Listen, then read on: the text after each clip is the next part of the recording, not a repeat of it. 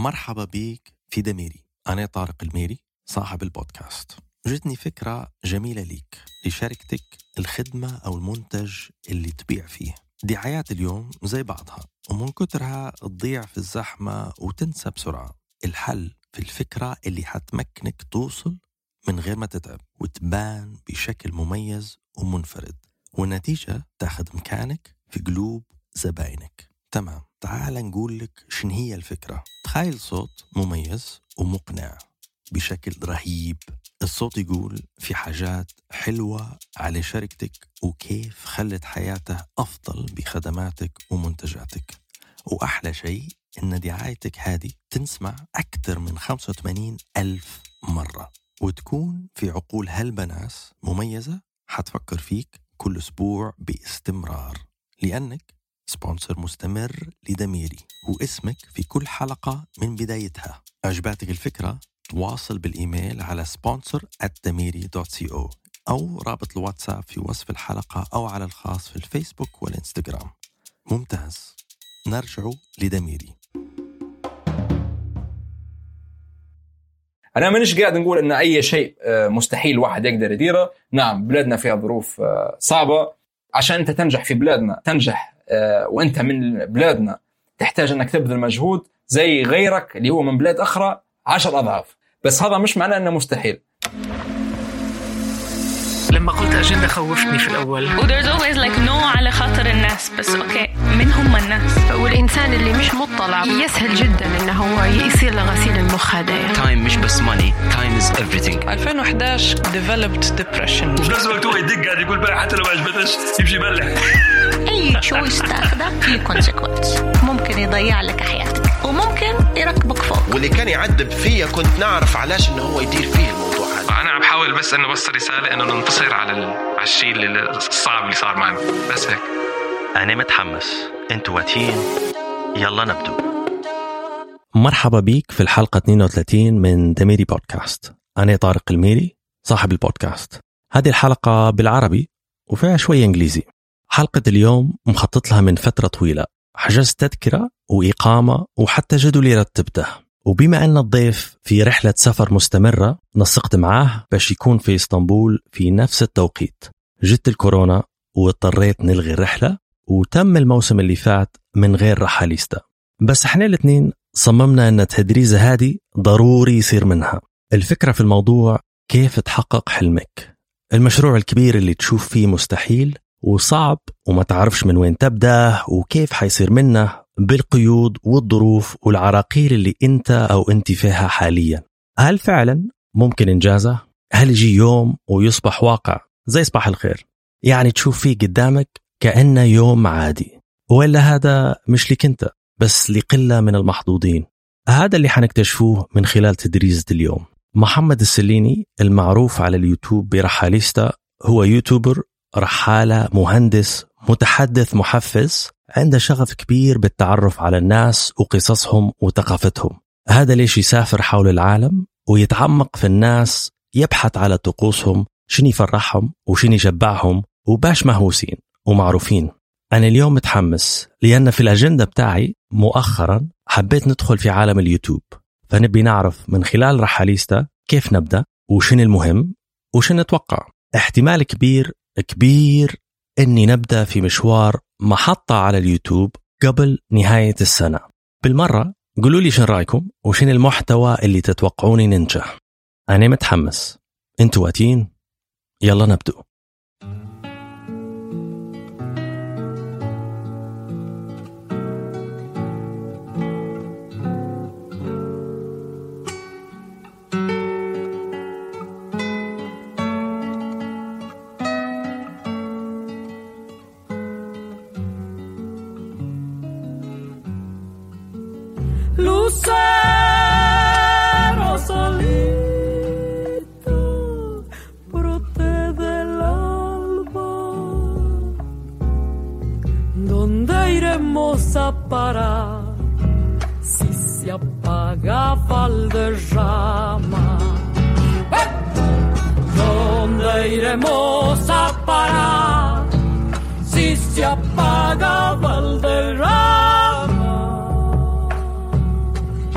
مر عليك.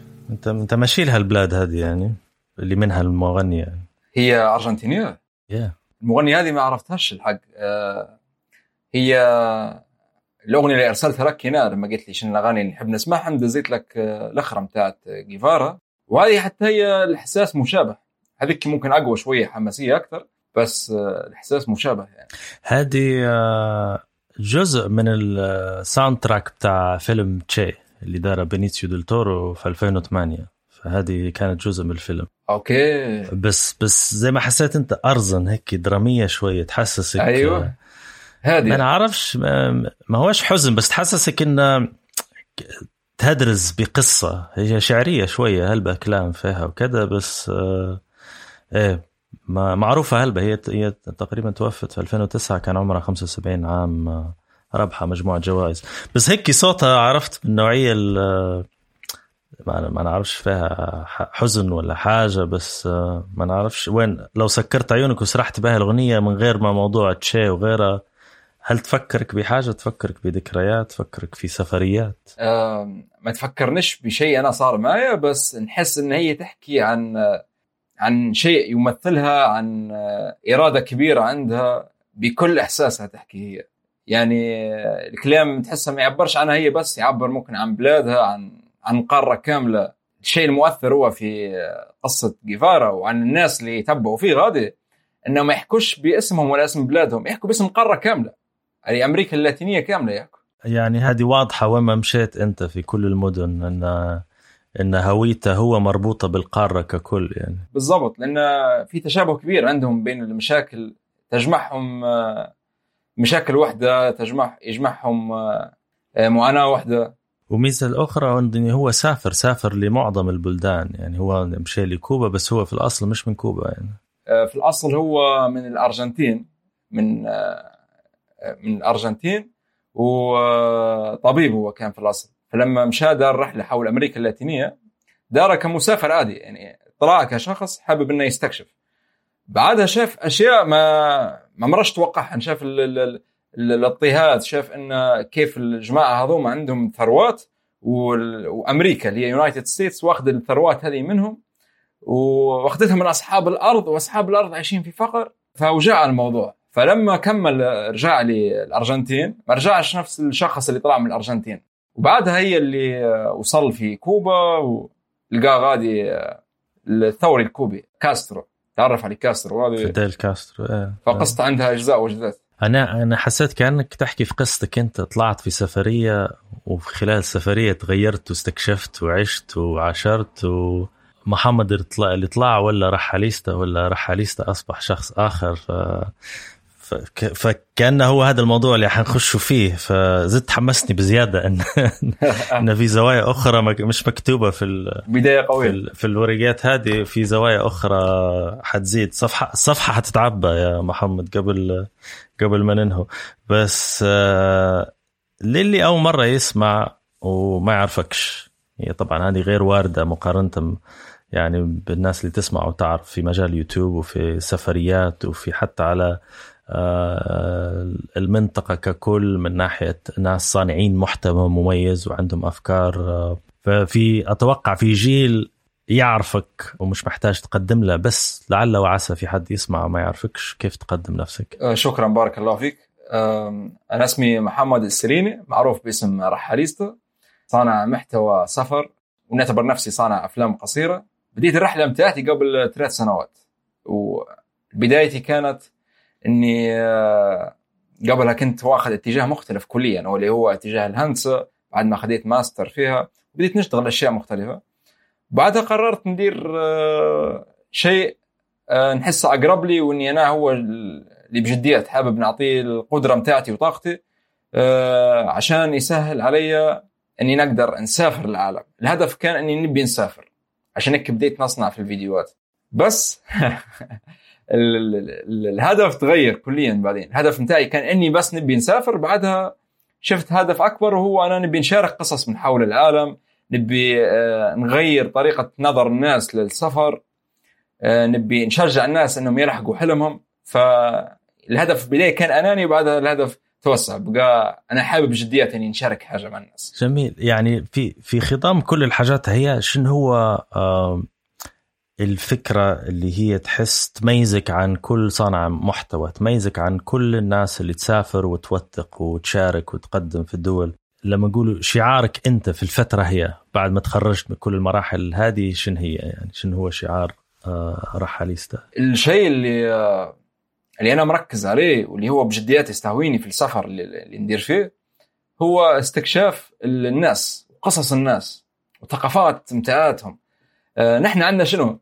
عندنا وأنا يعني واحد من الناس كنت لما نسافر من قبل كنت طبعا الرحلات البسيطة نحكي لك اللي هو واحد مثلا مشى مصر مشى تونس مشى آه تركيا مشى الدول هذين. أنا ما كنت نمشي شوية أماكن سياحية تمشي لها تمشي بعدها البحر تمشي المول تمشي أنت وممكن العائلة أو أنت والأصدقاء وهذا هو حد السفرية وبتروح. بس كويس فيك خير إنك إن حتى مع السفرية هذه قاعد تستطلع في اللي يمشي الهوتيل.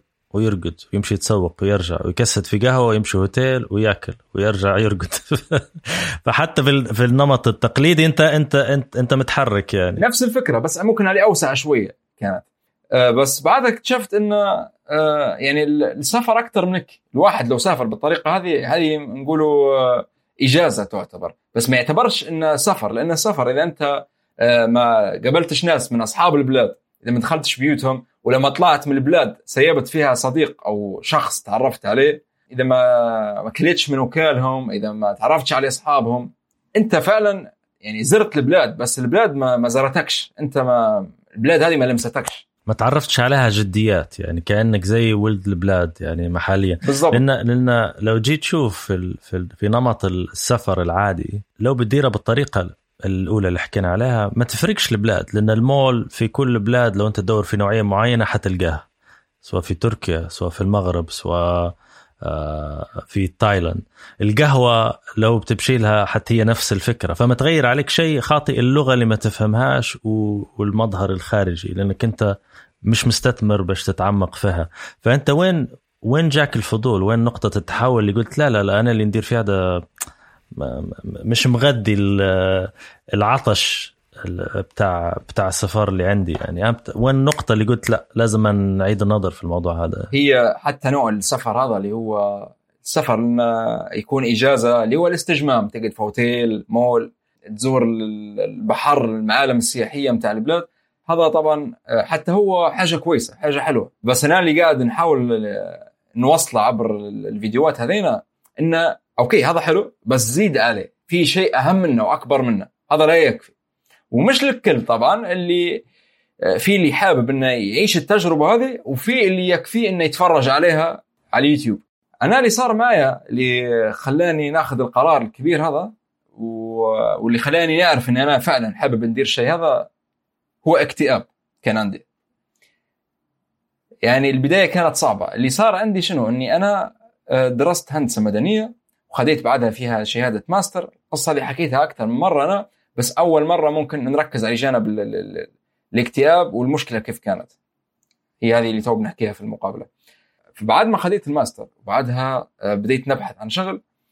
ما كنت ما كنتش نلقى شغل بسبب الظروف اللي صايرة في البلاد عندنا. وحتى لما كنت نلقى ما كنتش نلقى في مجالي. فكنت كل يوم نقدم على وظائف على مدى سنتين وفي السنتين هذين اشتغلت فيها حاجات تانية.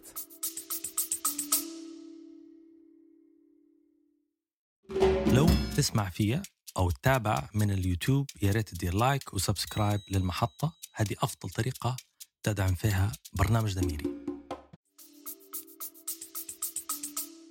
باش نوضح حواجه أنت ال CV بتاعك معبي بالنسبة لحد يقدم في أول شغلة. يعني قاري masters في بريطانيا وعندك أشياء تانية activities موجودة. ما هيش CV اللي هو يعني يعتبر تقليدي. يعني أنت أنت عندك مطاعطي موجودة على الورق. يعني ثابت إنك أنت مؤهل إنك أنت تحصل الوظيفة الأولى. اللي صار معايا يعني نعتبر روحي هنا محظوظ أو كيف ما يقولوا بالإنجليزي blessed يعني الحمد لله. يعني اللي صار معايا إن كنت ماشي بسرعة بسرعة بسرعة بسرعة.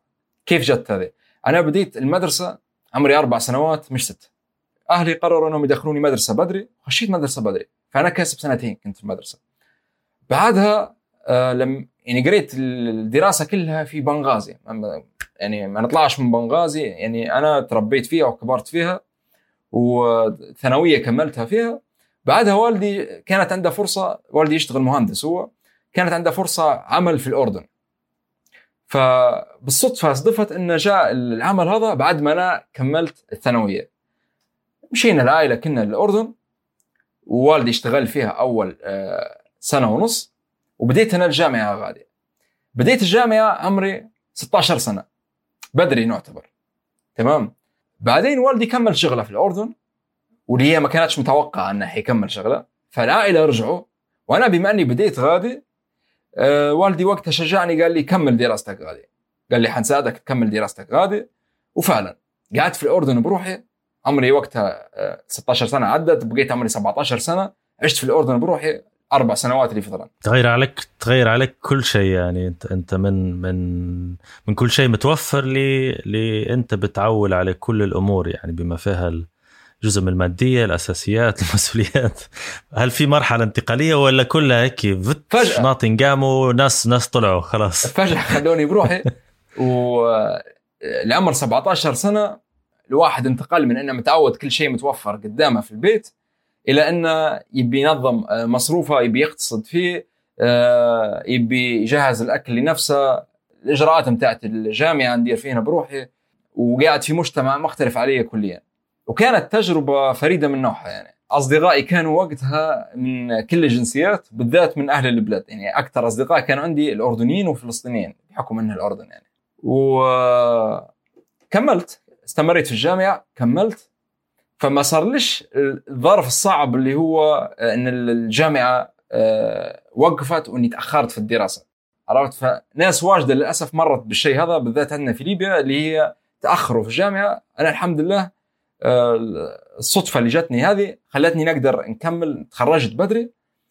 وبعدها طبعا تخرجت وقتها بمعدل ممتاز آه، وكنت الثاني على الدفعة. صح أنت حالفك الحظ إنك تكمل بكري بس زيك زي غيرك بالنسبة للي في ليبيا فرص العمل متأثرة بالوضع. آه شركات آه ما نعرفش هل هو وضع استثنائي إن هم ما يعينوش في الناس المؤهلة أو موضوع له علاقة بواسطات أو أنت تدور في شغل معين ما لقيتاش أحكي لي على المرحلة هذه وموضوع الاكتئاب اللي هو نحس فيه يعني يعني موضوع أساسي نحس فيه هو العقبة اللي أنت بعد ما تعذبت منها كسرتها وهي النقلة. بس في نفس الوقت يعني للي يسمع فينا واصغر منك ومني هنا خمس سنوات أربع سنوات. حاليا قاعد يعاني من موضوع الاكتئاب لأن اللي يدور فيه مش لاقيه سواء في البزنس سواء في الشركات أو غيرها آه نبي المرحلة هذيك كيف كانت لك أنت؟ شو كنت تحس؟ وكيف كيف كيف مرت عليك يعني؟ بس عشان تبقى الصورة واضحة ليش أنا صار لي الاكتئاب هذا الفكرة أني أنا كنت نكمل في الدراسة بتاعتي بدري بدري بدري. بديت حتى المدرسة في بنغازي بديتها بدري. بعدها انتقلت لمرحلة البكالوريوس كملتها في أربع سنوات ونص. هو خمسة بس أنا يعني كملتها بسرعة أربع سنوات ونص. بعدها درت الماستر سنة واحدة وكان عندي طاقة عالية. كنت أنا يعني نبي نشتغل متخيل روحي بعد كم سنة كيف حنتدرج في السلم الوظيفي. وبعدها آه، طموحي نكون project manager في الهندسة المدنية ومشاريع كبيرة وحنتقدم في ال career. آه، فجأة في ليبيا قعدت نقدم على وظائف. يعني بعدد كبير. كنت كل يوم نقدم ثلاث أربع وظائف أقل شيء كنت نقدم وظيفتين. كل يوم. على مدى سنتين. ما كانش في استجابة. آه، والانترفيوز اللي كنت آه، يعني ندير فيهن سواء في ليبيا ولا برا ليبيا برا ليبيا ما كانش عندي حظ لأن الأولوية دائما لابن البلاد وأنا خريج جديد. مع إن ال CV بتاعي كويس وعندي تدريب وعندي لغة وعندي كل شيء بس دائما الأولوية برا ليبيا لابن البلاد. أو اللي عنده إقامة.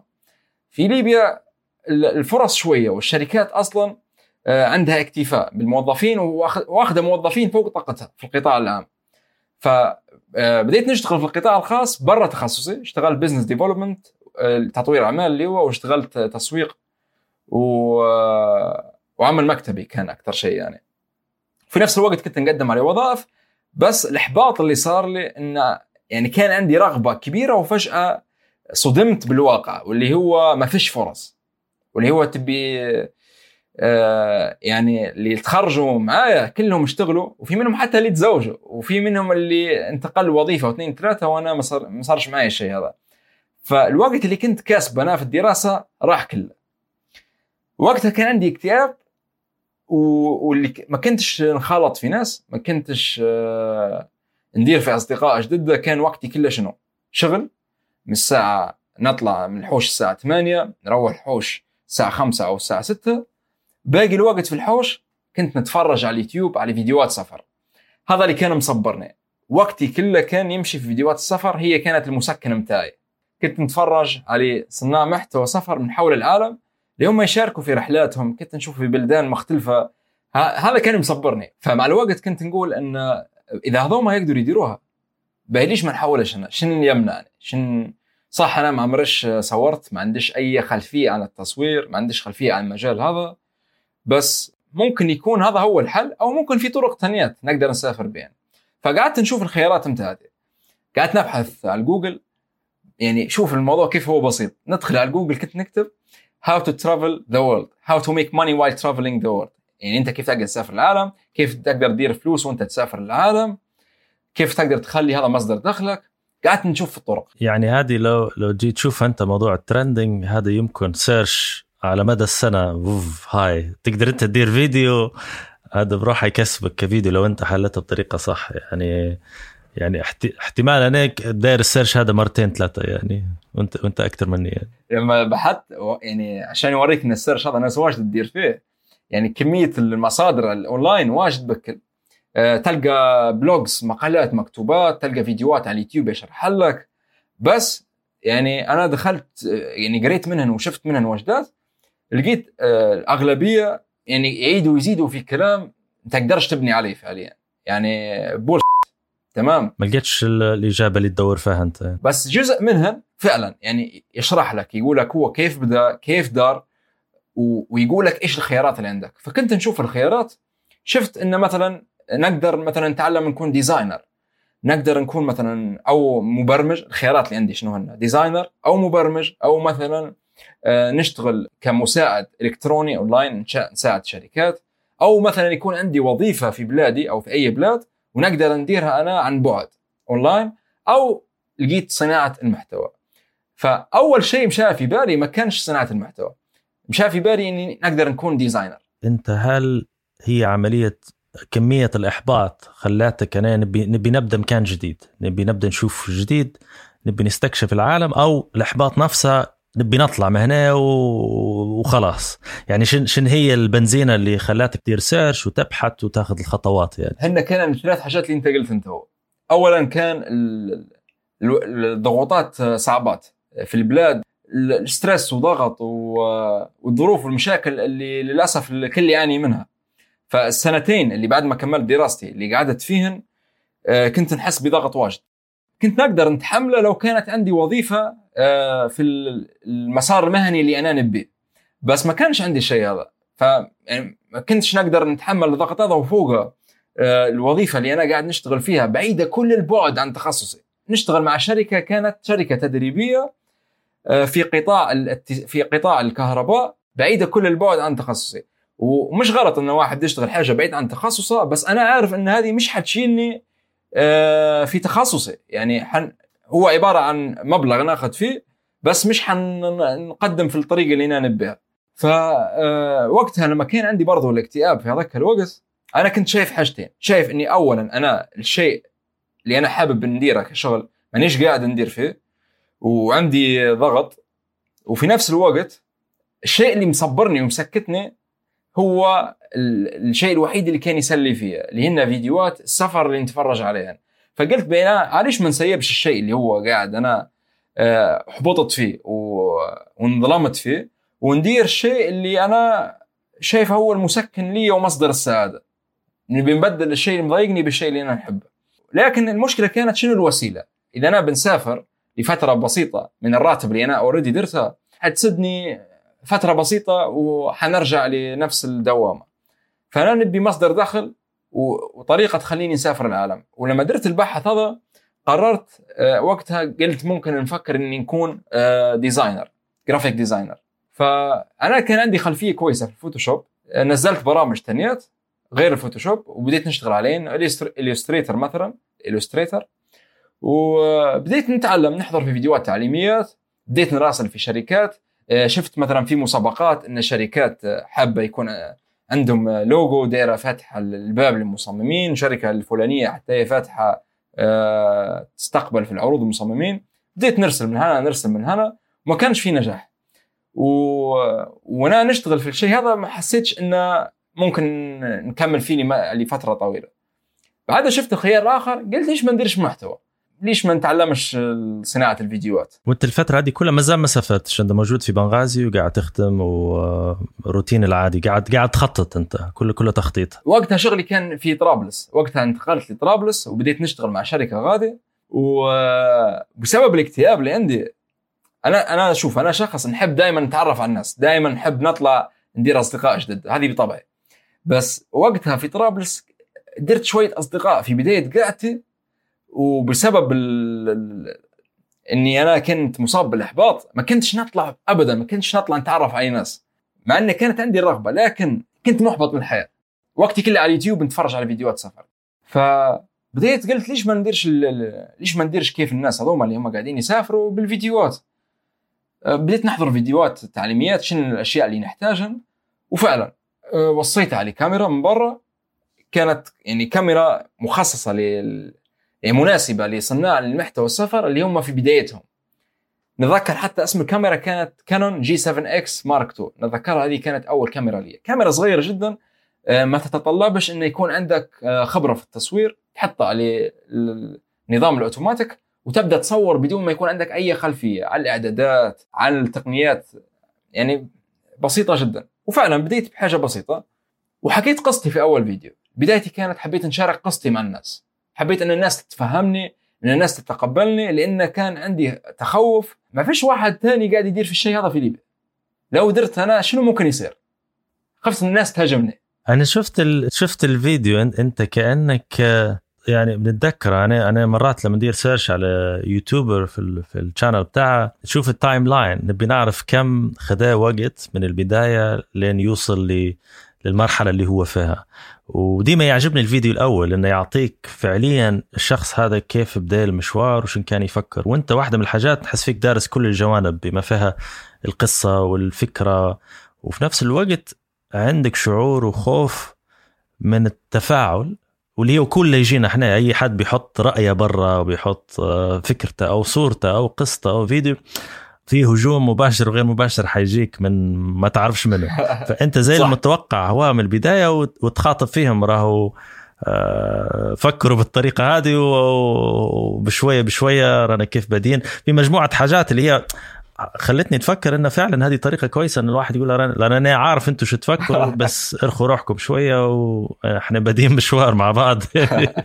زي ما تقول آه، عجبتني كفكرة. يعني نوعا ما تعامل مع المتوقع وعلى طول انت انت اللي بادي يعني ما تستناش حد يبدأ وخلاص بدأ المشوار.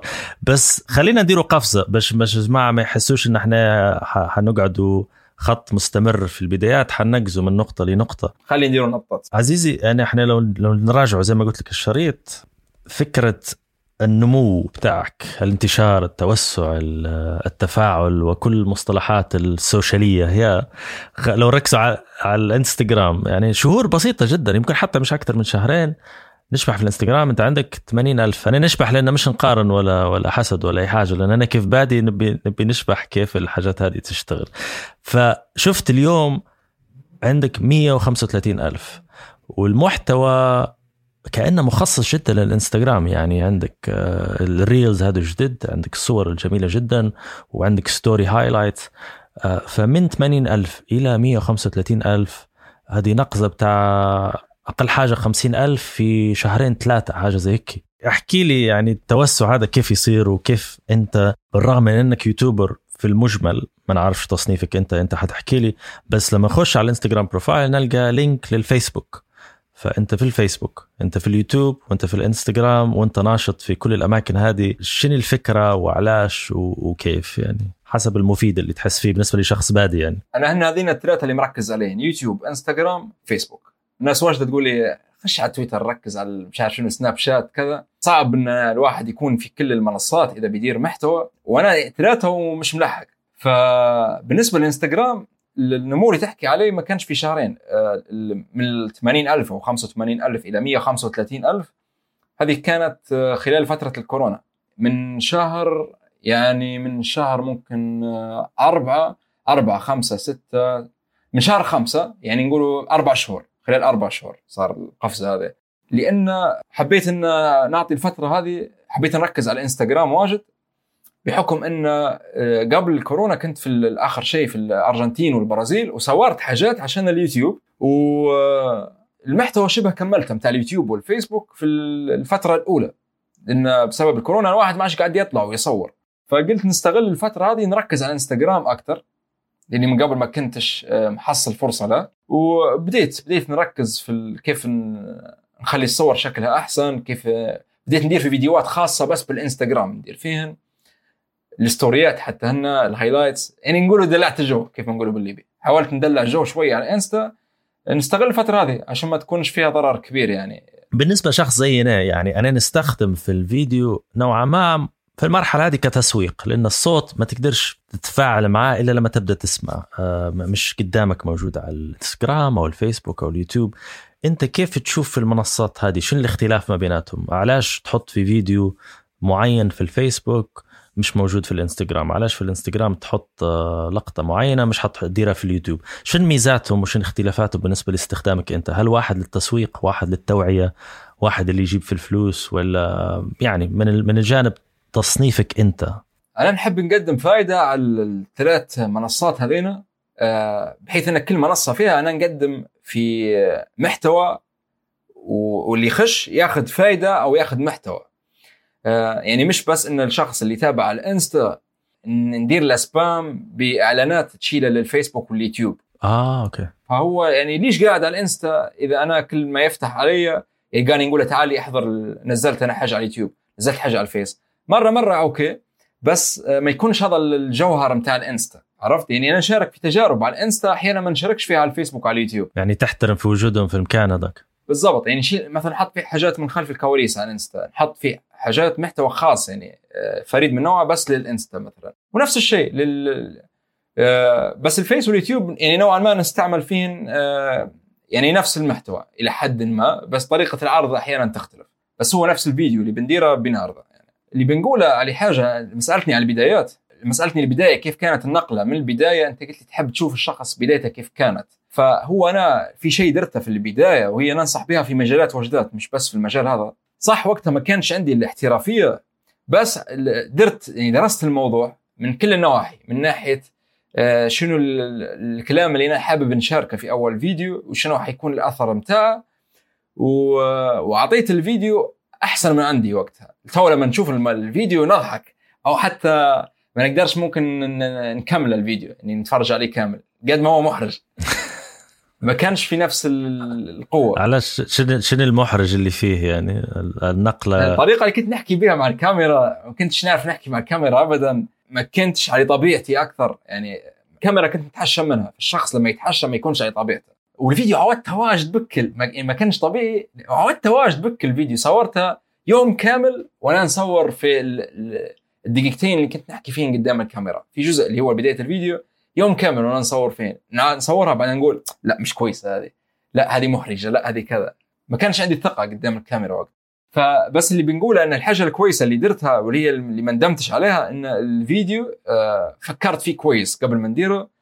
آه، درست الموضوع ودرست إن بدايتي كيف نبي نديرها ما عنديش القدرة لك آه، الاحترافية بس قلت الاحترافية تجي مع الوقت. أهم شيء بس كل فيديو كنت نعطيه أقوى ما عندي. حتى لو كان آه، متواضع. بس في نفس الوقت أنت أنت قاعد تقول آه، لو تفرج عليه تو آه، محرج تقدرش تكمله بس ما شلتاش موجود لأن هذا جزء من من الرحلة إنك أنت توثق وين كنت والآن وين أصبحت من ناحية المحتوى والأفكار والسفريات والثقة بالنفس وكيف الشخص يكون طبيعي. أتوقع أحد الصعوبات اللي عندنا حاليا مازال و نوعا ما باش نكون صريحه معك. أنا هربت للبودكاست لأنك ما تشوفش وجهك. أنت ما فيش كاميرا ترسل لك في الصورة ولا ولا توري لك العيوب والمخاوف. زي ما قلت أنت الخجل هو الصوت آه، هيك يعطيك الأريحية ان إنه يهرب منك. بس ما زال عندي عقدة إن أنا لازم ندير يوتيوب محطة آه، نشارك فيها أفكاري تجاربي نشارك فيها محتوى. زي ما قلت أنت واحد يفكر فيه ويعطي أحسن ما عنده. بس العقبة بتاع ال ال الهدف اللي في الدماغ وال والقدرة الحالية ال- المعادلة هي أصعب الحاجات إن أنا اللي نبيه في المستوى اللي نبيه نديره مقارنة باللي اللي فعليا نقدر نديرها حاليا يعني. أنت كيف تجاوزتها هي؟ كيف رصيت upload هي؟ إنك okay أنت تتفرج عليه ما زال عندك control ما فيش حد شافه. قاعد عندك تقدر تمسحه تقدر تخزنه. بس كيف وصلت لمرحلة إن you خلاص هو هذا الموجود وهذا اللي بنبدا به upload ويصير اللي يصير عرفت؟ هذه هذه هذه كيف كيف وصلت لها؟ هذه أول مرة نحكيها القصة هذه. آه، لما صورت أول فيديو طبعا تصور عليه أجزاء هو. صورت جزء منه في بنغازي. صورت بعدها المقدمة كانت بنغازي وأنا نحكي مع الكاميرا عرفت؟ بعدها صورت آه، ركوبي للطيارة وبعدها ال- الترانزيت وبعدها كل شيء. وفي جزء ال- اللي هو نص الفيديو الثاني اللي هو حنصور فيه فعليا الشيء اللي أنا نبي نكمل نديره السنوات الجايات واللي هو نصور آه، الرحلة بتاعتي نحكي مع الناس في الشارع نصور في نفسي وأنا نتمشى في الشارع ونشارك في تجربتي. وهذه الشيء اللي أنا نبي نستمر فيه. هذا كان النص الثاني من الفيديو. فالنص هذا آه، لما صورته وكانت عندي رهبة كبيرة. شنو لو أنا كنت فاشل في الشيء هذا؟ شنو لو أنا ما عنديش قبول قدام الكاميرا؟ شنو لو أنا الناس تبي تضحك علي؟ آه، شنو رأي الناس في الشارع لما يشوفوا فيا ماسك الكاميرا؟ آه يس أسئلة وجدات فكنت نصور وعندي رهبة وصورت ال- ال- الفيديو. وبعد ما درت المونتاج أول مرة ندير مونتاج في حياتي أول مرة نصور فيديو في حياتي. الفيديو كان نتذكر جاهز كنت في تايلاند في مدينة اسمها باي. كنت قاعد في hostel. قاعد الفيديو جاهز قدامي كنت نمنتج فيه وأنا قاعد في ال hostel نتذكر كانت الساعة واحد في الليل الفيديو جاهز قاعد بندير له upload بننشره وقاعد في السرير متاعي في ال hostel معايا ممكن 10 أشخاص تانيين راقدين في الغرفة مسافرين تانيين حتى هم راقدين. أنا الوحيد الواعي آه، الغرفة ظلام وشاشة شاشة اللابتوب جاي عليه وجهي. نضغط ابلود ما نضغطش نزل إيش كيف يصير؟ يستر الله الشعب الليبي كيف كيف حيكون رد فعله؟ آه، هل وكان عندي حتى في هيك شك بيني وبين نفسي إنه ممكن الفيديو أصلا ما ينتشرش. ممكن بس الأقارب عندي ممكن أولاد خالتي ولاد عمي ولاد عمتي آه، أمي آه، الناس اللي قاعدين عندي على الفيسبوك الناس اللي اللي قروا معايا في المدرسة في الجامعة في المدرسة الأصدقاء اللي نعرفهم من الشارع. قلت ممكن بس تكون مشاهدات 100 مشاهدة وهذا هو حد سوى ما حينتشرش الفيديو. كيف يصير؟ إن شاء الله خير. خليت الخطوة المخيفة هذه كلها والخطر هذا كله قلت خلاص حناخذ الخطوة ودرت نشر. وكتبت على الفيديو إني أنا ناوي ندير المشوار هذا وأنا حنقدر دعمكم وتشجيعكم لي. شاركوه إذا حبيتوا. جميل. رد الفعل كان كان إيجابي جدا. ما توقعتش يعني قد ما هو بسيط اللي هم من بس الناس اللي نعرفهم أنا قد ما هو أثر فيا. شفت تشجيع من الناس اللي أنا نعرفهم. ممكن يعني أنا نعتقد إن أغلبهم كان تشجيعهم من دافع إن آه، هو هذا الشخص هذا حابب يدير شيء. خلينا نشجعه حتى لو نحن مش مؤمنين بالشيء اللي هو حيديره. حتى لو نحن اعتقادنا إنه هو مش حيكمل. طهقة. نقولوا طهقة نحن. حتى لو كانت طهقة بتاعت شهرين ثلاثة وحيروح نتعاطفوا معه وفي البداية نشجعه. وهذه يمكن اصعب أصعب شريحة ان إنك انت تحصل معها أي تفاعل خاطي خاطي النصائح انه وعلاش وليش والوظيفة والاستقرار وغيرها. صح. يعني كون هن الشريحة الأقرب منك تقول لك توكل على الله وجرب يعني أصعب من إن حد ما يعرفكش يعطيك لايك يعني آه، بالنسبة بالنسبة لتجارب معظم الناس إنك أنت هذه أكبر ناس يهمك أنت رأيهم يعني في البدايات يعني إنك أنت تقبل ال- الأقرب الأقربون ليك يعني هم تقبلهم صعب المنال لمعظم الناس يعني هو كان في تقبل طبعا بس وكان في طبعا نقاشات ومحاولة إني أنا نوقف آه، العائلة في البداية ما كانوش موافقين على اللي أنا نبي نديره فأعطيتهم مسكن إيش قلت لهم؟ قلت لهم حندير أنا لمدة ثلاث شهور لو نجحت نكمل لو ما نجحتش خلاص. بس أنا بيني وبين نفسي حاط في بالي لا يعني حتى لو ما نجحتش حنحاول وحنستمر و... آه، حنلقى طريقة. حتى لو اضطريت إني نرجع لوظيفتي ونشتغل وبعدها نسافر مرة ثانية حنديرها. بس أنا ال- ال- الكارير المسار المهني اللي ناوي نكمل فيه هو هذا. بس خليتها بيني وبين نفسي.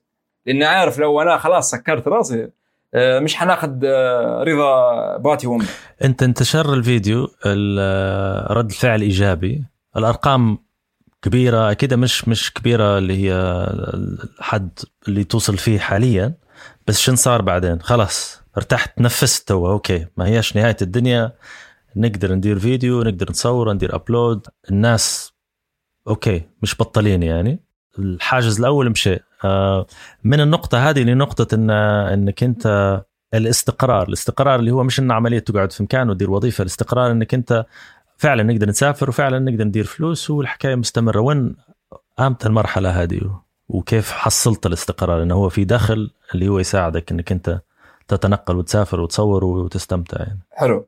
هي في اللقطة اللي خليت فيها ال- ال- اللحظة هذيك ونشرت الفيديو التشجيع اللي جاني رغم انه ما كانش يعني أغلب الناس كانوا يشجعوا فيا بس من من باب المجاملة ولكن ما زال الشيء الإيجابي هذا آه، أثر فيا وأعطاني دفعة زيادة.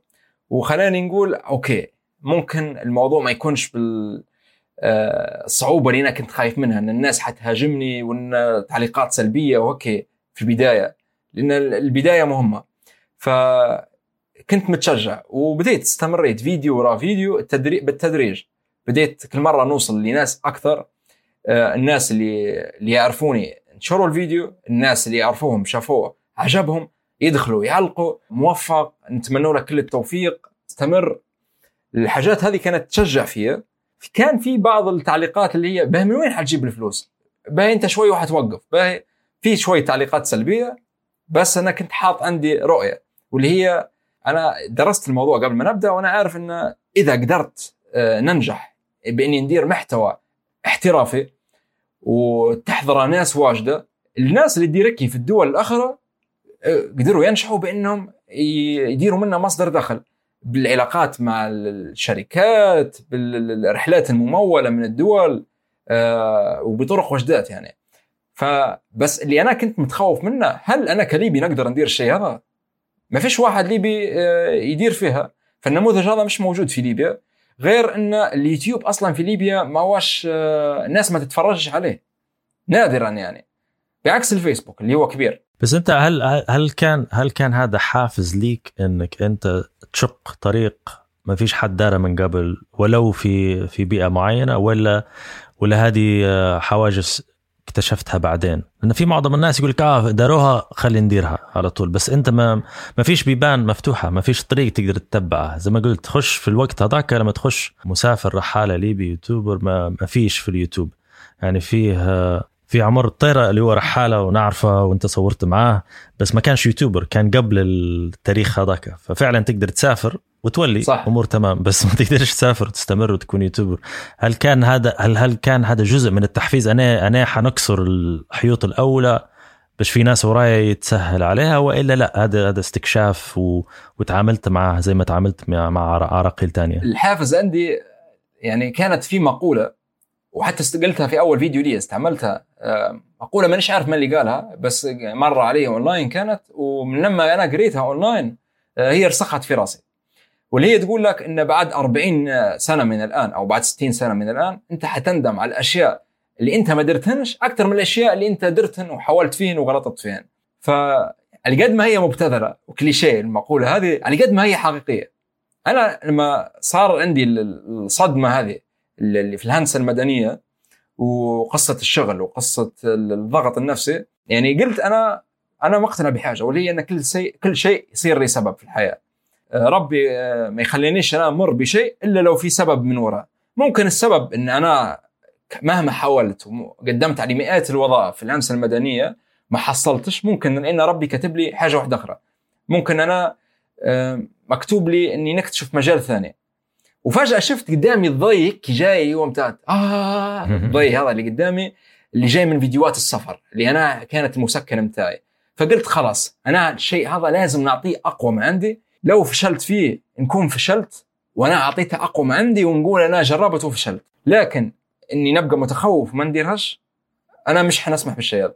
وأنا لما كنت بادي ما كنتش عارف روحي إني حننجح. بس أنا كنت عارف روحي ان بنعطيها أقوى ما عندي. وعشان هيك استمريت.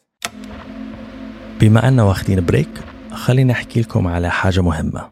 إنتاج كل حلقة من دميري بودكاست يستغرق خمس أيام.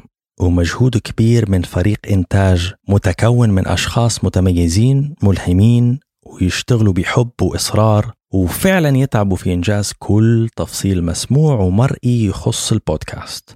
لو تحبي أو تحب تدعم دميري والفريق العامل عليه اشترك في باتريون واختار القيمة المناسبة للدعم اللي تبي تقدمه. الاشتراك عن طريق patreon.com forward slash اللي هو p a t r e o n.com forward slash t e l m e r i. شكرا مسبقا لوقتك ولدعمك. واتين يلا نرجعوا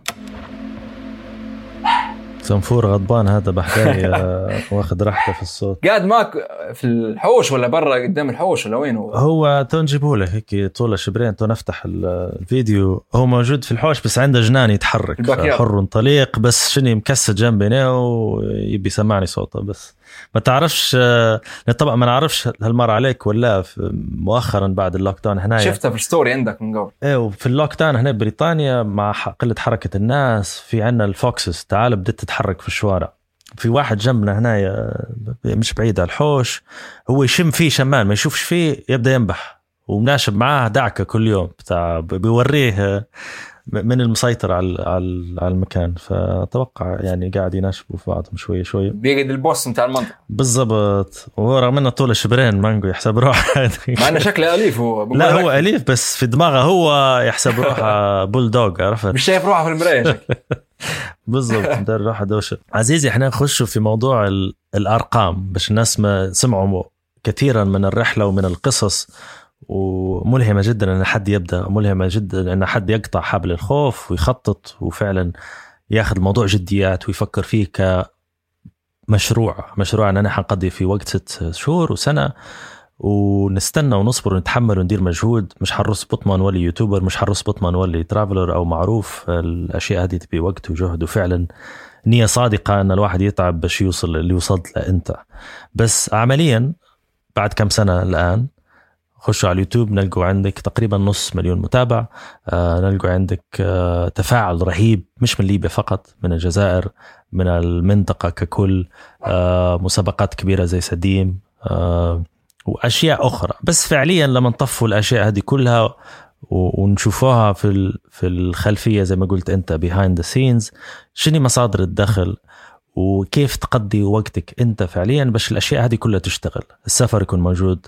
المحتوى يكون موجود وانت راضي نفسيا على تدير فيه ومرتاح وتصرف وتجمع وفيه خطة مالية حتى هي وفي استقرار يعني. لأن في لو تكلم مع جيل معين يقول لك أوكي باهي تمام.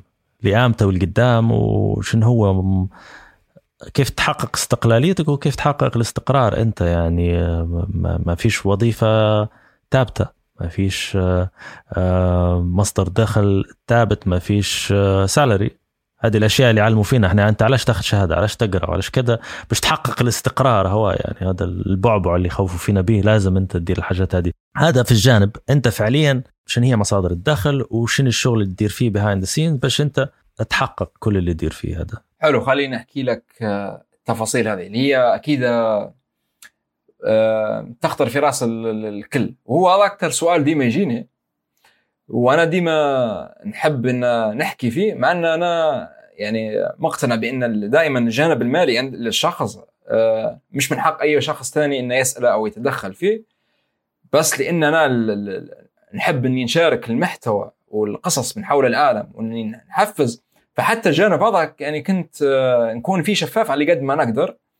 باش آه، يعني ممكن زي ما أنا في ناس ألهمتني واني بديت المشوار هذا وفعلا لقيت أن نقدر نخليه حقيقي ممكن ناس ثانية سواء في المجال هذا تحب تديره أو من مجالات ثانيات يقدروا يستفيدوا من الكلام اللي تونا حنحكيه أنا.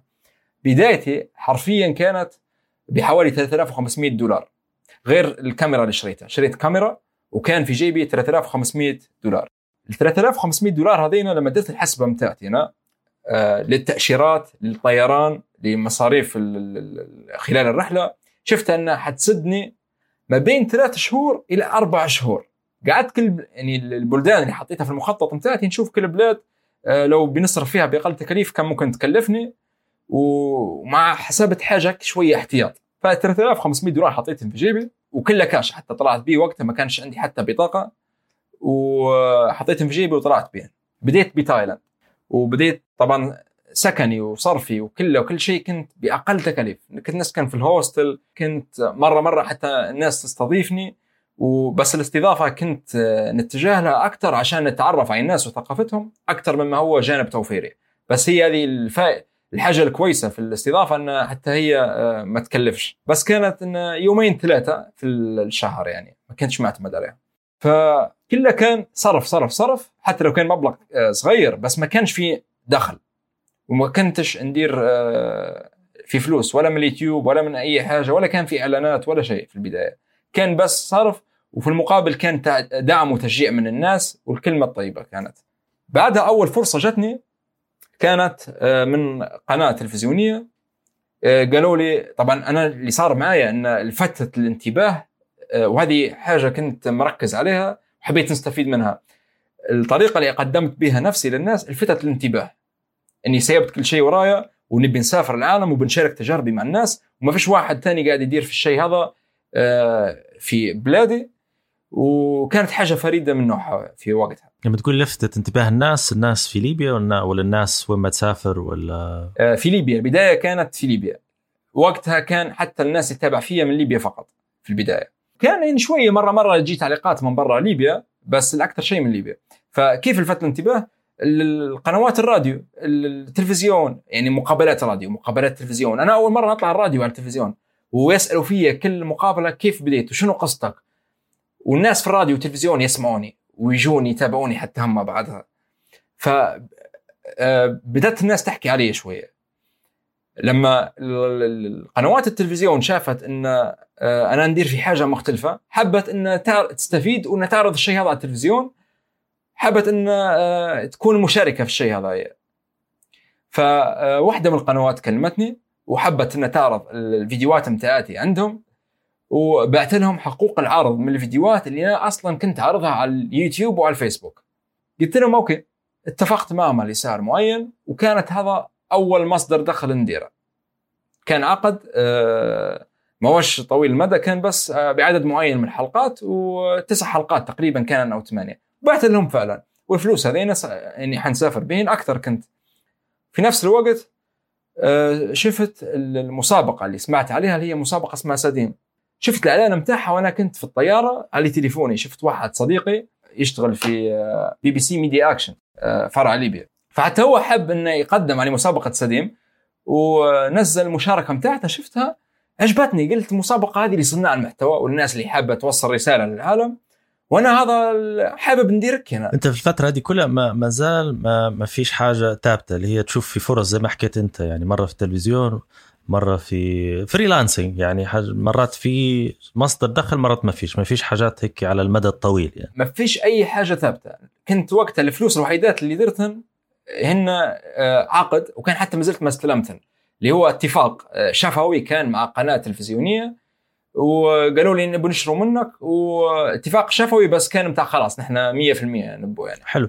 بس لحد الآن ما زال ما حلتش المعادلة بتاع أنا okay أنا في كمبوديا نبي نمشي لتايلاند نبي نمشي لكذا ما تقدرش تخطط لمدى سنة. يعني تختم شوية وتوقف تستنى تختم شوية وتوقف تستنى صح؟ كان معي اللي قلت لك ال 3500 دولار اللي بديت بهن صرفت جزء منهن وما زال لي جزء منهن وأنا في نص الرحلة هذه اللي هي لو ما درتش مصدر دخل خلال أربع شهور راح تنتهي الرحلة. بس سبحان الله الواحد لما يسعى ولما يعطي شيء أقوى ما عنده تبدأ تجي الفرص. قلت لك جاني التلفزيون طلبوا يشروا مني حقوق العرض. بعدها شفت قدامي المسابقة هذه ومسابقه فيها جائزة مالية وفيها سبونسر آه، اللي هو دعم لحلقات. فقلت خلاص المسابقة قدم عليها. قدمت عليها في نفس اليوم اللي شفت فيه الإعلان واللي هو كان آخر يوم للتقديم. سبحان الله اللي هم شهر كامل في المسابقة وأنا شفتها بس في آخر يوم. على طول نزلت من الطيارة وفتحت أنا أول ما طلعت من باب الطيارة فتحت الكاميرا وقلت لهم أنا تو سمعت بالمسابقة ونبي نقدم وعرفت بنفسي وصورتها في المطار. وقد وعلى طول روحت للهوستل اللي أنا ساكن فيه الهوستل اللي, اللي الناس اللي مش ساكنة في hostel من قبل هو عبارة عن سكن آه، للمسافرين بأقل تكاليف هي غرفة مشتركة بين ناس ما يعرفوش بعضهم فمشيت لل hostel ودرت ال editing عدلت الفيديو وقدمتها الساعة 12 في الليل. سيبت الفيديو كلموني بعدها بأسبوعين تقريبا قالوا لي نبوك معنا تجينا في بيروت وحنغطوا تكاليف سفرك إلى بيروت وحتكون المسابقة والجائزة مبلغ مالي للناس اللي حل... للشخص اللي حيفوز في الأخير. وفعلا آه، بدأت المسابقة اعطيت أقوى ما عندي المسابقة. والناس كانت تشجع فيا وتدعم فيا وخذيت فيها المركز الثاني. جميل جدا. آه، مع إن كنت المفروض ناخذ المركز الأول بشهادة الأغلبية آه، ولكن المسابقات هذه للأسف تكون فيها تلاعب وفيها آه، يحبوا يعطوها لشخص آه، لأن من بلاد معينة وفي تفاصيل يعني خلف الكواليس كانت. حتى في ال social media في شوية سياسة يعني تلعب دور يعني وفي في سياسة طبعا تلعب دور السياسة. فكانت آه، كان فيها تزييف يعني. بس في منها فوائد يعني أنت تحصل ال exposure هو اللي هو ان إن تطلع من قالب مش حتى ليبيا شمال أفريقيا للمنطقة الأوسع يعني البلدان الأخرى خليج وغيرها إنه يشوفوك. هل هذه فعلا حسيت بالفرق ولا مش هلبة؟ يعني لو أنت بتعدد فوائد سديم بعد ما ربحت ثلاثة أكثر فوائد لرحاليستا شن كانوا يعني؟ أول فائدة كانت الضغط. لأن تحت ضغط الواحد يبدا فكان عندنا الجدول الزمني إن لازم تدير فيديو بجدول زمني معين اللي هو ممكن ثلاث مرات أقوى من الجدول الزمني اللي الطبيعي اللي بتاعي آه، ولازم تعطي أحسن من عندك وإلا حتطلع وإذا طلعت عادي غيرك حيكمل. فكان الضغط يخلي فيا نضغط في نفسي ونطور من نفسي أكثر. ثاني شيء الواحد تعرف على ناس يشتغلوا في آه، نفس المجال. فحلو هذه آه، إن نشجعوا بعضنا كانت. والحاجة الأخرى طبعا لأني خذيت المركز الثاني كان في جائزة مالية. وغير الجائزة المالية آه، كان في رعاية لسلسلة حلقات. سميتها تأشيرة أكل وصورتها في عدة بلدان. آه، علاقتي معهم بعدها كملت. آه، العقد بيني وبينهم كمل. وبالنسبه للوصول للناس عن طريق المسابقة اللي استفدت ما كانش يعني ما جابتش ما جابليش جمهور كبير بالدرجة الواحد يقدر يقول أوكي ساعدني بشكل عظيم. لكن كان في تسريع. يعني مثلا أنا كنت آه، ماشي بالطريقة هذه. يعني آه، كأني نصعد في سلوم. وهو شال لي ممكن آه، أربع درجات زيادة في وقت أسرع. فكان في زي الأكسلريشن للموضوع ساعد وقتها. وبعد المسابقة اللي صار إن المشاركين إحنا كنا ممكن 21 شخص اللي بعدها كملوا فينا بعد المسابقة بنفس الرتم وقدروا يكبروا ويوسعوا من صناعة المحتوى آه، ثلاثة بس نحن تقريبا باقي ال 21 أغلبهم يا إما وقفوا على ال social media أو هدوا أو آه، ردوا لوظائفهم العادية. هلا يعني سؤال مهم في النقطة اللي تو قلتها إن شنو الفرق هي مش مش موضوع شخصية، شنو الفرق في التفكير في العقلية بتاع الشخص اللي يستمر في المشروع هذا؟ ويستمر بغض النظر عن الأرقام وعن التوسع وعن الماديات. مقارنة بالشخص اللي زي ما قلنا إحنا في البداية تجي طهقه طهقه مرات تكون حتى سنتين أو ثلاثة يعني عرفت؟ طهقه نعم. و... و... ويرخي. شنو الفرق في العقلية بالنسبة لك أنت؟ يعني وهل أنت كنت من المجموعة الثانية في مرحلة معينة أو لا وشن شن تصورك يعني؟ بالنسبة للي يستمر؟ الكلام هذا بشكل عام على المجال هذا وبرضه الواحد يقدر ياخذه ويسقطه على أي مجال ثاني أعتقد يعني الله أعلم. آه اللي هو حاجتين أنا شايفهم. اللي ممكن أنت توافقني فيهن ونبي رأيك فيهن. اللي هن حاجتين. اولا الشغف أنك أنت تدير في شيء أنت مستعد. آه، ما ترقدش الليل عشانه. ولان الطريق مش سلسة. يعني حتكون أنت في آه، حترقى وحتنزل حترقى وحتنزل. فإذا أنت مستعد تكمل الشيء هذا بالشغف وتدير في الشيء اللي تحبه فهذه حاجة كويسة. الحاجة الثانية القدرة على البحث عن الحلول وأنك تطور من نفسك بحيث أنك أنت تكون تشتغل في شيء تحبه وفي نفس الوقت مستعد تعطيه أقوى ما عندك. يعني مش تعطيه 50% وتشتغل شيء آخر. لا لازم تضحي لازم تخاطر. يعني نظريتك في الموضوع هي نفس الفكرة في الدماغ يعني أكثر من حد يسألني آه شنو اللي يخليك توقف موضوع دميري ولا البودكاست وشنو شنو العوائق وغيرها؟ أنا بشوف يمكن أحد المشاريع اللي هي قليلة في حياتي اللي ديما ما نربطش بها بالفلوس يعني سواء هي جابت فلوس أو ما جابتش فلوس أنا حنستمر يعني ديما نقول حلقة 400 و500 إن نشوف فيها مازال قدام يعني أعطي نفسي رقم ملموس إن أنا بعدين نفكر okay شو نقدر نغير فيها أو شو نقدر نطور فيها بس مش مش حنوقف لين نوصل للرقم هو من الحلقات لأن هذاك الحاجة الوحيدة اللي عندي عليها السيطرة ما نعرفش عدد ال downloads كده شو يوصل أو أو أو غيرها من من الأرقام وفي هلبة أرقام. أهم ما فيها هي اننا نقدر نستمر والاستمرارية مهمة لمدى معين يعني. إحنا شبه غطينا كل شيء بس يعني بما أن درنا موضوع الليستات شنو الليسته بتاع باش نسكروا الباب هو؟ الليسته بتاع مصادر الدخل بتاع رحا ليستا حاليا شنو هم لو تسميهم؟ بأنواعهم. أه، صح والله نسيت نقول لك حكيت لك على البداية وما حكيت لكش أه، أنا وين واصل تو أو الشيء اللي معتمد عليه؟ بس بس من غير قصة غير. كتصنيفات فقط باش الناس يعرفوا التنوع التنوع الموجود يعني. أه، الأشياء اللي أنا معتمد عليها سابقا كان اشتغلت على التلفزيون. حاليا نشتغل عليه عدة منصات. يعني المنصة متاعتي أنا وبرضه آه، اشتغلت حلقات آه، بعتن لمنصات تانيات. يعني كأني نشتغل لمنصتين في نفس الوقت كنت. وغير هيك الإعلانات. أحيانا يجني شركات بيديروا إعلانات بس أنا انتقائي جدا في الإعلانات آه، مع ان العدد كبير. يعني اللي يتفرج مثلا على على الإنستغرام توا تشوف إن أغلب الناس اللي هم عندهم أرقام كبيرة على الإنستغرام كل يوم جاي بإعلان. اليوم يتكلم لك على المنتج الفلاني بكرة يتكلم لك على الشيء الآخر. أنا آه، انتقائي جدا. لازم الإعلان يكون عن شيء أنا آه، يا إما مستعد إني نجربه أو أنا آه، مجربة من قبل وواثق فيه أو انه آه، يعني ما يتعارضش مع مبادئي عرفت؟ وفي نفس الوقت إنه يكون السعر يعطيني حقي ويعطيني الشيء المستوى اللي أنا نحب نقدمه. فهمتك. آه، يعني أنت تدور في الكواليتي وناس فعلا تقيم المحتوى ونوعيه الناس اللي أنت تخاطب فيها. ما تبيش تدير زحمة ما تبيش تعبيها سبعة ستة إعلانات في الفيديو وهكذا يعني. ف, ف...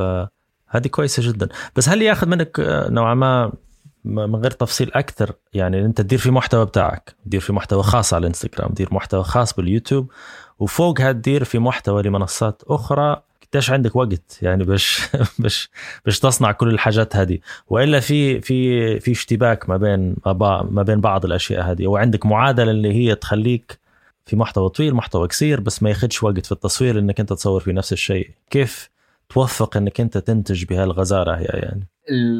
ممكن السر أو الحاجة اللي ما تبانش قدام الكاميرا للناس إن آه، اللي ندير فيه آه، اللي هو جزء يعني هو يعتبر شغل لأن أغلب الوقت أنا يا أما قاعد نخطط للفيديو أو قاعد نصور في الفيديو أو قاعد نسافر آه، نتنقل أو قاعد نمنتج في الفيديو أو قاعد نشارك فيه أو قاعد نتفاعل معه عشان نوصل لناس أكثر أو قاعد نتعامل مع الشركات بمكالمات وتنسيق وإيميلات. شايف الشيء هذا اللي تو قلت أنا؟ هذا واخذ مني آه، حياتي كلها. أغلب الوقت نديرك يعني من الصبح لليل بس أنا مش متضايق وما نحسش في روحي عبد للشغل لأن أنا اللي ندير فيه نحبه. فالحياة والشغل عندي اندمجن مع بعض. فقعدت هي شغلي هذا هو حياتي هو أسلوب حياتي يعني. آه، فعشان هيك الوقت يكفي. وأحيانا نحس إن الوقت ما يكفش ونضغط في نفسي أكثر مرات نتمنى إن اليوم 48 ساعة مش 24 ساعة عشان نقدر ندير حاجات أكثر منك. حلو. معناها أنت أنت هي المعادلة مربوطة ببعضها يعني ما عندكش عقلية إن هذا الشغل وهذا كيف تقضي فيه يومك. يعني مشتبك ببعضها بطريقة اللي هي مريحاتك أنت يعني سواء خلال النهار سواء في نهاية النهار. ابدا أحيانا لما نكون عندي الفيديو مثلا بننزله آه، نكون آه، نشتغل مثلا المونتاج ثلاث أيام على الفيديو. الثلاث أيام هذينا آه، نكون فيها على اللابتوب من الساعة 11 للصبح في الصبح للساعة 11 في الليل. ما عدا شوية استراحات اللي هو الغداء وقت الغداء الصلاة الحاجات الاعتيادية. بس غير هيك الوقت كله على اللابتوب قاعد في الحوش قدام اللابتوب. من غير ما نفصل لأن فيديوهاتك فيها بتفصيل على ثقافة الناس وحياتهم وقصصهم لو بتنصح واحد آه، بسفرية ما تنساش يعني في أما قارة تكون وعلاش. لعند اللحظة هذه طبعا التفكير بتاع الشخص يتغير لأن ممكن بعدين نكتشف حاجات ثانية. بس لعند اللحظة هذه اللي ديما ننصح بها إندونيسيا. وإندونيسيا مش جزيرة بالي. بالي حلوة. لكن اللي بيشوف إندونيسيا الحقيقية اللي أنا أثرت فيها آه، يمشي لمدن ثانيات. زي مثلا أكثر مدينة هذه نحبها في العالم مدينة اسمها آه، يوغياكارتا يوغياكارتا علاش؟ لأن الناس غادي على الفطرة ناس آه، يعني بسيطة و يحبوا الناس يعني يرحبوا بال- بال- بالشخص يدخلوه في حياتهم يشاركوا حياتهم معاه آه، وبعدين الاندونيسيين شعب ودود جدا وشعب يحب الحياة. قد ما هم بسيطين وحياه يعني ظروفهم قد تكون آه، مش أحسن ظروف من الناحية المالية لكن مبتسمين. الاندونيسي دائما مبتسم. وغيرك الطبيعة جميلة جدا في اندونيسيا وفي المدينة هذه وفيها معالم حلوة المدينة. وأجمل شيء إن ما هيش سياحية واجد آه، ما تلقى يعني الناس ما تتعاملش معك كأنك أنت business لا تعامل معك كأنك أنت جاي تزور فيهم. كأنك ضيف لل- للبيت يعني يتعاملوا معك. يعني. بالضبط. بالنسبة للسفر لو أنا نطقطق على الباب تو نقول لك يلا هي نسافروا. واتي قديش ياخذك وقت؟ آه، على طول. تحتاج وقت تاشيره بس. آه يعني شنطة واتية وما ما يهمش كل شيء التوت. إذا بلاد من غير تأشيرة على طول. إذا تحتاج تأشيرة بنستنوا ثلاثة أسابيع مع بعض لو لو من غير تأشيرة انت أنت ذهنيا واتي وفعليا بضاعتك وكل شيء واتي خلال ربع ساعة خلال ساعة قداش؟ يعني. إذا ما عنديش التزام مثلا إذا ما عنديش مشروع قاعد نشتغل عليه فيديوهات التزام عقد أو مشروع أو التزام آه نكون واتي. ما فيش داعي تهيئ نفسك نفسيا ولا أي حاجة لك خلص طول. بالعكس الحاجات اللي أنت مش مهيئ نفسك لهن دائما تكون تجربة فيهن عندها طعم خاص. يعني شوف نعطيك آه، مثال باختصار. آه، أحيانا نكون مثلا مخطط لرحلات. نعطيك مثال. مثلا كنت مرة كنت ناوي نمشي لجورجيا. وكنت مجهز كل شيء وقدمت على التأشيرة و تفاجأت أن حصلت رفض على التأشيرة الجورجية. مع أنها دولة بسيطة. فكنت لازم نبي نسافر في أقرب وقت لأن لي كنت شهر مش مسافر ومش داير محتوى و... وعندي متعطش للسفر. شفت الخيارات؟ بناء على التأشيرة وبناء على الطيران. شنو أنسب شيء؟ لقيت إثيوبيا. ما عنديش أي خلفية عن أثيوبيا ولا عمري قابلت شخص أثيوبي. لكن على طول. شفت الفيديوهات ممتعات جدا يعني حتى خشيت طول وفي الثقافة يعني حسيت كأنك مداير الريسيرش بتاعك جاهز يعني. ما كانش في أي research بس درت آه، شنو الأشياء يعني كتبت إيش الأشياء المهمة الواحد لازم يزورها في أثيوبيا حطيتها قدامي و... وتغيرا أصلا. لما مشيت غادي تعرفت على الناس آه، تغير المخطط بتاعي. وكانت من أجمل التجارب هذيك السنة مع إنها مش مخطط لها. جميل. في سؤال آه، في حد مؤخرا ذكرني به كنت نسأل فيه لكن نسيته مع مجموعة حلقات. يعني بس تو هيك خطر في ذهني شنو الحاجة اللي شريتها لها علاقة بالسفر؟ بحكم مجالك أقل من 100 دولار اللي غيرت لك حياتك في السفر وما تقدرش تسافر من غيرها. مش ضروري تكون كبيرة مش ضروري تكون غالية بس أنت فعليا فعليا دارت نقلة بالنسبة لك أنت يعني. إذا أكثر من 100 دولار حنقول لك الكاميرا بس أقل من 100 دولار شنو؟ شنو الحاجة؟ عمدا عمدا نح- طيرناها الكاميرا عمدا. أنا نقول لك آه، تأشيرة إندونيسيا 35 دولار لا أنا احكي لك لا لا حاجة قاعد تستخدم فيها في جيبك في الشنطة في بعدة السفر آه. تمام أنا حبيت ندير التفاف السؤال ما. ما نقولكش حاجة مادية حاجة لا لا مادية مهمة عادي بس ماد- مادية مش ضروري غالية بس فعليا آه، دايرت لك فرق يعني حتى application مثلا حاجة okay هاي حاجة قاعدة قدامي هي خطرت في بالي اللي هي هذه يعني مؤخرا خلال السنة اللي فاتت تحديدا بديت يكون عندي نظرة مختلفة. أشرح لي شن هي لأن لأن اللي يسمع مش حيشوفها. تنقول لك تنقول لك. تمام. هذه قدامي آه يعني قارورة ماء ترمس نقوله اللي هو آه، معدني. تمام. قاروره الماء هذه نوعية من المعدن مش عارف شنو هي بس مش بلاستيك الفكرة تمام. وحجمها لترا تحفظ الحرارة وال- والبرودة يعني. نعم. نوعا ما تحفظ الحرارة آه، مش حرارة هي لل- للمية يعني المشروبات ال- البارده بس تحتفظ بالبرودة بتاعت المشروب. آه، الفكرة اللي صارت معي إن خلال السنة يعني قبل سنة أو سنتين بدا منظوري آه، يختلف شوية من ناحية البيئة من ناحية التعامل مع الحيوان من ناحية ال- الحفاظ على آه، على نظافة ال- البلاد. عرفتها فبديت نركز أكثر في سلوكي.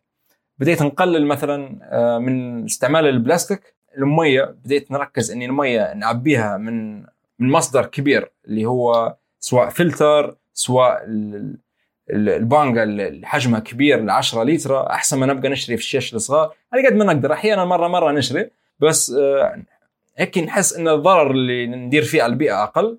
والمي كويسة. أشرب المي جميل.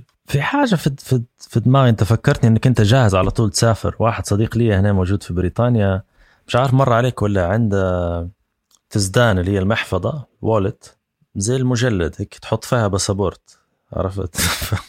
ما نعرفش كيف يدخل فيها في جيبه يعني هو. بس في هذا بعملية إن حد جاهز يتحرك لأي مكان في أي وقت. آه، بس شعور بالاستقرار. يعني أنت يمكن حسب ما نعرف الآن في إسطنبول كل فترة تتغير. الاستقرار هل هو في الدماغ بس إنك أنت تحس نفسك مستقر وإلا هل هو مربوط بمكان بالنسبة لك أنت حاليا؟ يعني؟ أنا عندي الرضا أهم من الاستقرار. إني نكون راضي في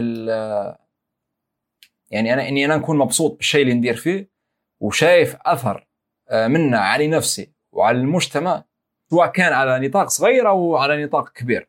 بالنسبة لي هذا أهم من الاستقرار الجغرافي. يعني أنا عندي ما عنديش مشكلة نتنقل من بلاد لبلاد بس أنا هذا فعلا هو هذا الشيء اللي نحبه. صح مره مرة نحس في روحي آه يعني الطاقه بتاعتي كملت نحس بالإجهاد ونحس روحي تعبت من التنقل من بلاد لبلاد لبلاد. وبالذات تصير معي لما نقعد أكثر من شهر في مكان معين. يعني إندونيسيا قد ما قلت لك إني نحبها لما آه طولت فيها أنا أول مرة زرتها بعد ما تجاوزت ال 30 يوم بعد ما تجاوز مش 30 يوم هي التأشيرة كانت 30 يوم ففي الأخي... الأيام الأخيرة في ال 30 يوم هذينا آه كنت آه نحس باني خلاص بنطلع عشان نقدر نقعد في إندونيسيا. السبب انه في عندها جانب حتى واحد آخر إن الواحد في البداية يبقى يشوف الأشياء المميزة في البلاد يشوف حتى العيوب بتاعتها يشوف في كل شيء بس هو حاط في باله إنه هو زائر ما هوش جاي كمقيم. لما تطول الفترة هذه يبقى علاقتها بالبلاد تختلف. طبعا تدور في حاجات أخرى مرات مش موجودة. آه بنسألك سؤال تاني على السفر. يعني أنت زرت من المناطق يعني خيال يعني في التنوع وفي الثقافة في كل شيء. حتى لو بلاد زرتها وسيبتها هل في من البلدان اللي استكشفتهم حاليا؟ بلاد تقول أنا فعلا زي ما تقول ربيت عليها كبدة ولا شفت connection احتمال إن نرجع لها ونستقر. ولو خمس سنوات مثلا أو عشر سنوات. هل مرت عليك مر عليك مكان قرية بلاد مدينة اللي هي قاعدة في الدماغ ولا قاعدة في القلب هيك في في connection يعني؟ آه، الأسيوية بشكل عام. الأسيويين حبيتهم واجد. شعوب آه، بسيطة تحب الحياة. ونفس الشيء اللاتينيين. اللاتينيين آه، كنت نقابل فيهم واجد في السفر. وقد ما حبيتهم وقتها نويت قلت أنا لازم أمريكا اللاتينية نسافرها بلاد بلاد. بس مع الصعوبة نتاع التأشيرات آه، ما نقدرش نتنقل من بلاد لبلاد لبلاد لازم كل مرة ناخذ تأشيرة ونطلع ونرد وقصة طويلة. فاللي الآن تو زرتهم في أمريكا اللاتينية اللي هم الأرجنتين والبرازيل آه، بس شوف هي حاجة غريبة بس عندي إحساس إن أكثر بلاد حتكون مفضلة عندي وهي أنا الآن تو ما زرتهاش بس عندي شعور إني أنا حتكون مفضله عندي واللي هي كولومبيا. عندي إحساس ان هي حتكون أحسن بلاد زرتها. ليش؟ لأن الكولومبيين اللي كنت نقابل فيهم ناس يعني مميزين. الكولومبيين يعني مهابيل مجانين آه طيبين يحبوا الحياة آه يعبروا عن أنفسهم. يعني يخلوا يخلوا عندك شغف لما تقابلهم وتتعرف عليهم انه إنك تزور بلادهم.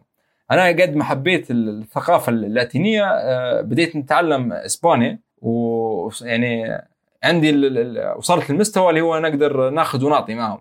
فكنت في الأرجنتين مثلا نحكي معهم بالإسباني أغلب الوقت. حلو. وحتى ك ك كلغة فيها ميزة يعني تفتح لك قارة كاملة يعني. صح. ما هيش زي الفرنساوي اللي هو نوعا ما محدود في شوية في أفريقيا أو أو مثلا آه، في بعض اللغات مقيدة جدا رغم إنها هي سهلة. يعني زي الإسبانية ما توقعش فيه يعني. هي يمكن اللغة الثالثة في العالم حاجة زي كده. ولغة جميلة. حتى لما تاخذ وتعطي بها تحس بشعور هيك تحس روحك. قاعد مع موجة. يعني آه، انسيابية تحسها والأغاني الإسبانية جميلة. فيها نغمة نغمة وموسيقى هلبة هلبة يعني تفتح لك مجموعة أبواب يعني. إحنا غطينا هلبة هلبة حاجات في بالي. طبعا حنراجع معك لقدام لو في حاجة ما زال أنت حسيت ما ما هدرزناش فيها. آه بس من ناحية الأفكار وأنت عندك مجموعة حاجات خارج الصندوق اللي هي أنت تؤمن بها تعيش بها المجتمع أو الأصدقاء. مرات يشوفوا فيها فكرة غريبة أو مجنونة. أنت قلت لي إن معظم الأشياء اللي هالبناس يشوفوا فيها أحلام هم فعلا يقدروا يديروها. هي في المتناول يعني. آه، أشرحها لي هذه كيف؟ يعني واحد قاعد يشوف في حلم اللي قدامه مستحيل وأنا عندي ولا دا دا دا بس أنت تشوفها معظم أحلام الناس يقدر يحققوها يعني في خلال سنوات بسيطة يعني. شوف هي يعني أعتقد إن في مشكلة آه، موجودة. يعني مش مشكلة نقدر نقول إن في نوعين من الناس. في ناس اللي هي تشوف آه، أي شيء تعرضه له قدامها تقول هو حاب يديره فتقول أنت تقدر تدير كذا. حيطلع لك في مشكلة سهل تطلع في مشكلة. وإذا أنت تحل المشكلة هذه إذا أنت تعطيه حل لها حيطلع لك مشكلة واحدة آخرى. حيطلع لك مشكلة واحدة آخرى مشكلة واحدة آخرى.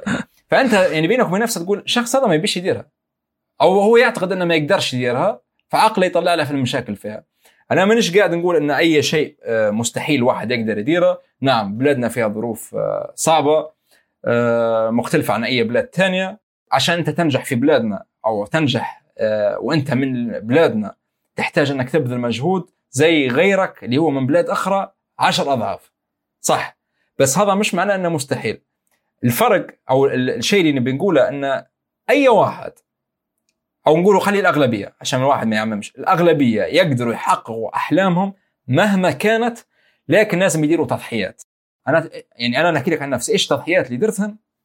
اولا آه خديت خطر كبير سيبت آه الشهادة متاعتي بعد ما خديت فيها بكالوريوس وماجستير والفلوس اللي استثمرتها عشان نوصل للشيء هذا آه اللي هو يعني والدي استثمرهم للأمانة وأنا وقتها كنت صغير صح؟ لكن من بعدها ما خذيتش منها قرش من لما تخرجت. الاستثمار اللي الواحد داره في نفسه عشان ياخذ الشهادة ويكون مهندس مدني هذا كله أنا رميته من الروشن. تضحية مش سهلة. فوقها آه بعت سيارتي آه الفلوس اللي درتها من شغلي كلهن خذيتها حتى هن. خذيت قرار آه صعب جدا إني أحط روحي قدام الناس مانيش عارف الناس كيف حتكون ردة فعلها. هل حيتقبلوني؟ أو حنبقى مضحك على الإنترنت. وحاجه أخرى حتى الاجتماعيات بعيد عن أهلك آه، في حاجات مريحة جدا آه، الغطاء الاجتماعي بتاعنا إحنا إنك أنت في الأسرة ماكلة واتية ما فيش فواتير هذه كلها تضحيات ما هيش سهلة إنك أنت تخمم فيها بروحك فوق كتافك عرفت؟ ف فاللي بحاجه لازم يعطي مجموعة حاجات باش يوصل للحاجة اللي يباها هي يعني ف... صح. آه، في حاجة بس بنضيفها. التضحية هي اللي تخلي الشخص يوصل لأحلامه والتضحيه تفرق من شخص لشخص. شخص آخر لو كان بيدير نفس اللي أنا اللي بنديرها ممكن تكون له أسهل ممكن تكون له أصعب. صح؟ بس نحن الثلاثة احتمال كبير ان نقدر نوصل. بس على حسب التضحيات هل أنت مستعد تدير تضحية كبيرة؟ لو كان مثلا الشخص عنده أسرة وقتها التضحية حتكون كبيرة بكل إذا كان عنده أطفال وعنده زوجة. يعني أنا الله أعلم إذا كان عندي أطفال وزوجة هل كنت حندير نفس الخطوة؟ الله أعلم ما نعرفش. حتكون تضحية أكبر مسؤوليات أكبر حتكون. ما لقيتش زوجة في الطريق هيك ولا في كمبوديا ولا في إندونيسيا ولا في الارجنتين يعني؟ الزوجات في كل مكان. خلي خلي التأويل التأويل ليهم هم في الموضوع هذا يعني. أحسن حاجة كان عندي التركيز في في الشغل يعني. ما كنت في السفر في المجال هذا ما كنتش حاط الفكرة هذه في بالي إني نبحث عن عن زوجة وأنا نسافر. الموضوع هذا ما كانش في بالي يعني. بس انت أنت أنا نوعا ما شبه طلقت كل القوانين زي ما قلت الشهادة من الروشن.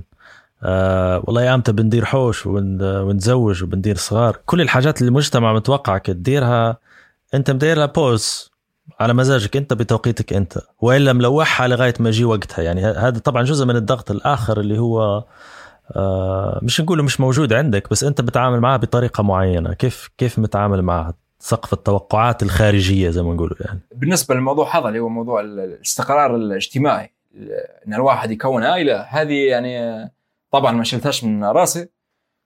ولا أنا من الناس اللي ناوي إني نكبر بروحي وأنا نسافر في العالم. ابدا الشيء هذا مش في بالي. بس حتكون طريقة الاستقرار متاعي حتكون آه، مختلفة.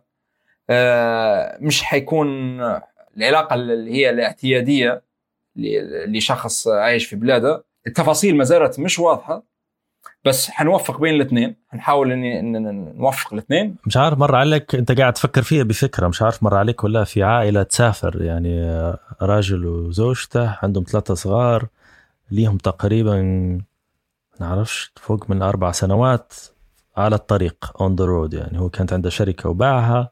application ما application وقاعد يوثق في سفرياته ويصور في العائلة وما إلى ذلك يعني. مزبوط. مش- وعندي أصدقاء يديروا فيها أنا عندي أصدقاء واجدين تعرفت عليهم هذه حياتهم يعني عائلة تسافر يعني ما فيهاش صعوبة يعني مش مش ضروري تكون بروحك يعني في متاحة يعني. نعم بس بالنسبة لي أنا مش الموضوع هذا ما زال يعني ما وضحتش آه، وما خدتش فيه القرار اللي نبي نشاركه يعني. يعني ما عندكش ما عندكش تقديم طلبات زواج ما فيش ما يدوروكش. يعني اللي حاط في باله ما يدوروكش عزيزي إحنا هدرزنا على هلبة هلبة بس في نفس الوقت نبي نفهم عنك انت أكثر لو نحطوا السفر على جنب لو نحطوا المحتوى في تركينا لو نحطوا هوسك بأن الأحلام آه، أي حد يقدر عليها. شنو هوسك بعد ال- الشغل؟ time off في الليل لما ترقد. شنو الحاجات اللي يا أما تبحث عليها يا أما تتفرج عليها يا أما دائما في مخك. هوس ماليش علاقة بالأشياء هذه يعني اللي هي باينة واضحة ومعروفة جدا عليك أنت. أنا خليت هذا هذا الوسيل الوحيد فعليا يعني عقلي دائما آه، يفكر شنو الشيء الجديد اللي نقدر نديره شنو البلدان اللي آه، آه، نقدر نسافر لهن. موضوع التأشيرة ما هوش سهل يعني عرفت؟ فدائما هذا اللي شاغل بالي دائما. بس أنت عندك أشياء أشياء أخرى اللي هي زي الأكل مثلا لما مشيت الارجنتين ركزت على مشروب معين اللي هو متى أو متى مثلا. يعني تتوغل في موضوع الأكل حس حس حس فيك آه، عندك خبرة مليحة جدا جدا في الأكل يعني ولا لا؟ صح لسببين. اولا أنا لأني شخص آه، كيف ما يقولوا فودي. أنا شخص آه، نحب الأكل ونحب التفاصيل بتاع الأكل. ناس نوعين. في الناس اللي هي بس الأكل عشان تشبع وفي ناس يهمها الأكل. آه، تمام. والسبب الثاني إني مركز عليه يعني أعطيه جزء من من المحتوى بتاعي مخصص الاكل جزء من المحتوى هو أن الأكل آه، مش بس كأكل اللي هو الأكلة اللي قدامك لا الأكل يحكي جغرافيا بتاعت المنطقة اللي هي المكونات بتاعت الأكلة. آه، تلقى مثلا في أمريكا اللاتينية يستعملوا في الذرة واجد. تمشي لمكان آخر مثلا آه، تلقاهم مركزين على الوجبات السريعة بلدان ثانيات. آه، إيطاليا الأكل بتاعهم يحكي المعجنات الباستا البيتزا كلها معجنات. فالأكل يحكي الجغرافيا يحكي أسلوب حياة الناس يحكي التاريخ بتاعهم الأشياء اللي ورثوها كيف طوروها كيف أشياء دخلت لهم من بلدان تانيات آه، عالجوهن خلطوهن بالثقافة بتاعتهم. آه، وبعدين الأكل يجمع الناس على السفرة. ما فيش آه، لحظات الكل يبقى سعيد فيها كيف ما أنت قاعد تشارك في أكلة لذيذة وتتعرف على ناس. معك في على السفره جميل جدا. يعني نقدر انت قريب تقدر تفصل محطتين دير محطة للسفر محطه للأكل. فكرت فيها فكرت ندير قناه خاصة بالاكل بس صعب. لا لأن بصراحة ما نتذكرش هل هي هل هي طاجكستان أو واحدة من الدول هذه الاسيويه اللي فعلا خلتني نشرة هيك جوعتني إن نمشي بس على خاطر موضوع الأكل مش لحاجة تانية. فعند احس إن واحدة من القوى بتاعك مقدرتك على توصيل الفكرة. يعني رغم أن حواسنا دي ما تشتغل والفيديو ما يقدرش يحسسك بطعم الأكل أو بريحته والحاجات هذه بس طريقة شرحك للموضوع قربت أكثر ما يمكن للشخص كأنه جالس جنبك وهو قاعد قريب ياكل قريب يغرف من من الوجبة هذه. وهذه ميزة ميزة مش في كل ال- الناس اللي تشرح في الفيديو يعني. آه شكرا. هي هذه لأن سببها إن قاعد نحكي عن شيء نحبه. فالناس توصلها المشاعر هذه. عزيزي أنا نفكر في المستقبل بس أنت من الأول أعطيني وارنينج راني أنا ما ما نحبش نحكي بالحاجات اللي قاعدة قاعدة في المطبخ يعني زي ما نقولوا قاعد تخطط لها.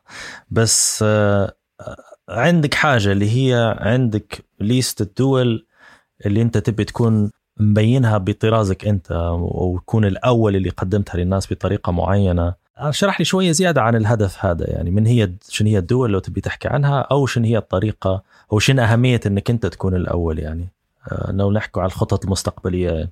هي هذه الهدف منها مش إني أنا نكون الأول ونقول أنا أنا أول من نتكلم عن البلاد الفلانية والبلاد الفلانية. لا اللي صاير فعليا إن الناس آه، مركزة على الأشهر بلدان أجمل بلدان آه، وفعليا هي البلدان هذه قد تكون مش أجمل بلدان يعني كلنا إذا نفتحوا اليوتيوب نلقوا معبي بجبال وخضار سويسرا بوكال إيطاليا آه، بالاشياء الغريبة اللي نلقوها في روسيا.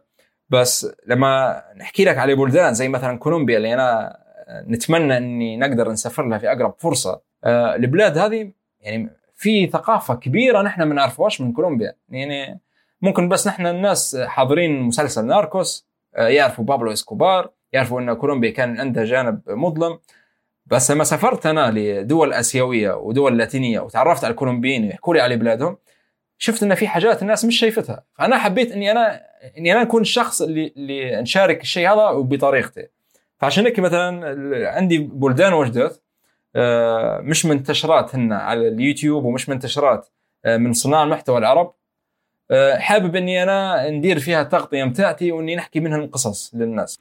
جميلة جدا، أكيد حتى يعني على نفس الزاوية هذه أنا عندي مجموعة أصدقاء من كولومبيا بما فيها صديقة لي تخدم سينماتوجرافر وبعد ما تخرجت تخرجنا من نفس المدرسة آه نتفليكس والجماعة بعد مسلسل ناركوس بدو يركزوا هلبة على تاريخ البلاد. يعني القضايا الأعمق من هذه يعني مش ضروري كلها زي ما قلت أنت موضوع ال drugs وبابلو إسكوبار وغيرها. اكتشفوا أن أن كولومبيا انفتحت وفيها مجموعة أشياء تاني نقدروا نطلعوا من ثقافتهم وقصصهم وغيرها يعني. كان إحنا يعني مثلا واحد أنت أنت أكيد تقابل فيك أكثر من مرة أي حد أنت لما لما لما تقدم نفسك. وكلنا الليبيين سواء سافروا أو غيرها يعني اللي لغاية الآن عشر سنوات بعد 2011 ومليون قصة في ليبيا. أول ما تقول له أنا I'm from ليبيا آه. قدافي. قدافي والا يطيرك يقول لك آه لبنان آه nice food آه لبنان حتى. ف... صح. فأنا أكيد أنت يا أما مطفي ما عادش ترد عليهم يا أما عندك إجابة سريعة على الموضوع يا أما قاعد يحز في نفسك إن أنا والله لازم ندير رحلة لازم ندير فيديو حتى بالإنجليزي علن ليبيا إن أنا نبين لهم راهو في حياة في ثقافة في أكل في ناس في هلبة حاجات. وإلا وإلا رحلة ليبيا ما زال ما ما ما تخططتش في دماغك يعني. آه شوف هي ال ال الناس اللي نقابل فيهم من بلدان مختلفة كل واحد منهم يعني على حسب البلاد اللي هو منها آه عنده نظرة مختلفة عن ليبيا. يعني الأسيويين مثلا والناس اللي من أمريكا اللاتينية لما نقول لهم أنا من ليبيا يقولوا لي يعني وين ليبيا؟ شنو ليبيا؟ ما يعرفوهاش مش مرة عليهم. آه، مش الكل بس الاكثريه وبالنسبة للأوروبيين والأمريكان وكندا والكلام هذا لما نقول لهم ليبيا رد الفعل بتاعهم يكون يعني عندهم واخدين آه، صورة سيئة عن ليبيا بسبب الإعلام يعني. ف آه، لدرجة مرة يعني كنت في نيبال لما خشيت الهوستل تعرفت على واحد أمريكي غادي حتى هو مسافر فنتعرف عليه قال لي من وين؟ قلت له ليبيا. رد فعله قال لي أوه فجأة هيك عيط في وجهي أنا واحد ما تعرفش أول كلمة لا تقول لا في وجهه هيك آه بعدها هو انتبه لي نفسه قال لي sorry sorry ما, ما قصدي شيء. عفوا قال لي سامحني آه رد فعلي كان. وقاعد يحكي لي على الأشياء اللي يشوفوا فيها في ليبيا الحرب وهيك. يعني عندي مخطط بالنسبة للمخطط الفيديوهات اللي بديرهم في ليبيا موجود 100% موجود وبيكون ممكن أهم شيء وأكبر شيء آه، نديره. ما حبيتش نحكي تفاصيل وجدات وش ناوي ندير وهكي لأن دائما الحاجات هذه آه، نحب نحتفظ بهن عند ما نديرها بس ما هوش قريب. ما أعتقدش إنه حيكون قريب بسبب يعني ظروف وجدات وبسبب إني حابب نديرها بطريقة معينة. مش حابب نديرها متاع تسلك نفسك بس تدير فيديو عن ليبيا وخلاص. لا وانت يعني هو يعتبر تعقيد الوضع ميزة يعني انت ما زال حتكون يمكن أول شخص حيشرحها بطريقته وبأسلوبه. وأكيد حتى معظم الناس اللي تسافر معك والرحالة اللي تك من من المنطقة نفسها يسألوا فيك هل نقدروا نمشوا إمتى نمشوا كذا في في آه، زي ما نقولوا آه، فضول ولا ما فيش حد يسأل يسأل فيك؟ ديما هذه المواطن البسيط العادي اللي تلقاه من سكان البلاد عادة لا مش مهتم إنه يزور ليبيا. بس المسافرين اللي نتلاقى معاهم في الرحلات اللي فيها استكشاف اللي فيها مغامرة okay اللي يسافروا واجد لما نقول لهم من ليبيا اللي عندهم فكرة عن ليبيا آه، يبقى يسألوا فيها باهتمام. وعندهم رغبة يزوروا ليبيا. ونوري فيهم أنا مثلا صور مناطق ونحكي لهم شنو عندنا في الثقافة بتاعتنا okay ومتشوقين واجد. بس ديما ننصح فيهم نقول لهم ليبيا لازم تحطها في الليستة بتاعتك بس مش تو اجلها شوية خليها في الوقت الصحيح. لكن آه ونعطي فيهم نقول لهم انه مثلا هذا رقمي لما بتجي أنا نقول لك شنو تدير. وإذا أنا موجود غادي آه يعني ما نقصرش معك وك يعني. ونبغى أي تواصل. سؤال الروتين اليومي يعني أنت تقدر تقلبه من روتين يومي لروتين السفر يعني أول ما توصل لمكان شنو أول ثلاث حاجات تديرها؟ باش باش فعلا تحصل الرحلة هيك على مزاج مزاجك يعني آه، بالطريقة اللي تبيها تستفيد منها ترتاح في التصوير وغيرها. نقولوا خلاص وصلت للغرفة لوحت الشنطة وإلا ما تمشيش الغرفة طول شيء يعني وصلت للبلاد يعني فوت المطار فوت كل شيء. شنو ثلاث خطوات الأولى اللي يدير فيهم في كل رحلة؟ أول حاجة نحب نديرها في أغلب الحالات آه، نحب ان نمشي من المطار للمكان السكن بتاعي بالطريقة ال- أبسط طريقة اللي هي يسافروا بها يتنقلوا بها سكان البلاد. مستحيل ناخذ التاكسي إلا لو كان مثلا آه، مشروع وفي تاكسي أو في سواق يستنى فينا أو شيء. بس آه، في الوضع الطبيعي ما ناخذش تاكسي مستحيل ناخذ تاكسي أوبر كلام هذا لا. نشوف آه، الباص أو الطريقة اللي هي سكان البلاد يمشوا بها من المطار للحوش بشكل نغطس معهم على طول أول ما نوصل. بعدها ناكل العشاء إذا أنا واصل في الليل مثلا وجبة اللي هي شعبية بس تكون شعبية على المستوى المتوسط يعني ما فيش حاجة غريبة حاجة صادمة أوكي؟ عشان الواحد ما تبيش تعب الب- البطن من أول يوم يعني. مش تعب البطن. وفي نفس الوقت آه، ما تضمنش أنت شنو الحاجات الغريبة بتاعتهم آه، لأن لو مثلا اللي بنجربها كتجربة ممكن ما تعجبنيش وما ما نكملهاش. لكن نحب نشبع يعني في الليل. بس شنو الح... شنو الحدود؟ شنو هو المقياس الغريب؟ شنو الحدود بتاعك في الوجبة هذه؟ أنا الغريب نحب نجربها بس كتجربة. بس عشان هي الغريب نعتبرها انها تجربة. أول يوم ما نحبش نجرب. أول يوم نحب عادي زي أي مواطن طبيعي نحب نشبع لا غير بنفهم قصة الغريب. هل هو حاجة قاعدة حية تتحرك؟ هو حاجة شكلها معين؟ نعطيك أمثلة على الحاجات الغريبة اللي كليتها مثلا آه في الفلبين كليت آه دحيه بطة مملحة لها أسبوع طيبه ومملحة لها أسبوع. طعمتها كانت آه سيئة جدا. آه في إندونيسيا حاجة جميلة جدا عجبتني. عندهم أكلة حلو هي مزيج من شوكولاتة والجبنه فيها زي كيكة في شوكولاتة وجبنة. كليت اللحم ني في روا في آه، إثيوبيا. إثيوبيا تمشي المطعم اللحوم تلقى نوعين من الناس. في ناس تجي تاكل اللحم ني وناس تاكل اللحم هذه. ني مش جديد مملح. ني- ني. ني ني آه. ني طازة يعني. ني قدامك يقصه قدامك. بس هذا هذا عادي في الأسماك والحاجات هذه. بس شنو شنو الميزة في هذا؟ هل هو طرف معين من الحيوان اللي هو يعني مثلا في لده معينة ولا كله ني وخلاص؟ هو يعني كله ني بس الطريقة اللي يقدموا فيها به طريقة تقليدية. يقدموا فيها مع نوع من الخبزة اسمها إنجرة. هي مش خبزة مصنوعه من من نبتة معينة بس يستعملوا فيها كخبزة.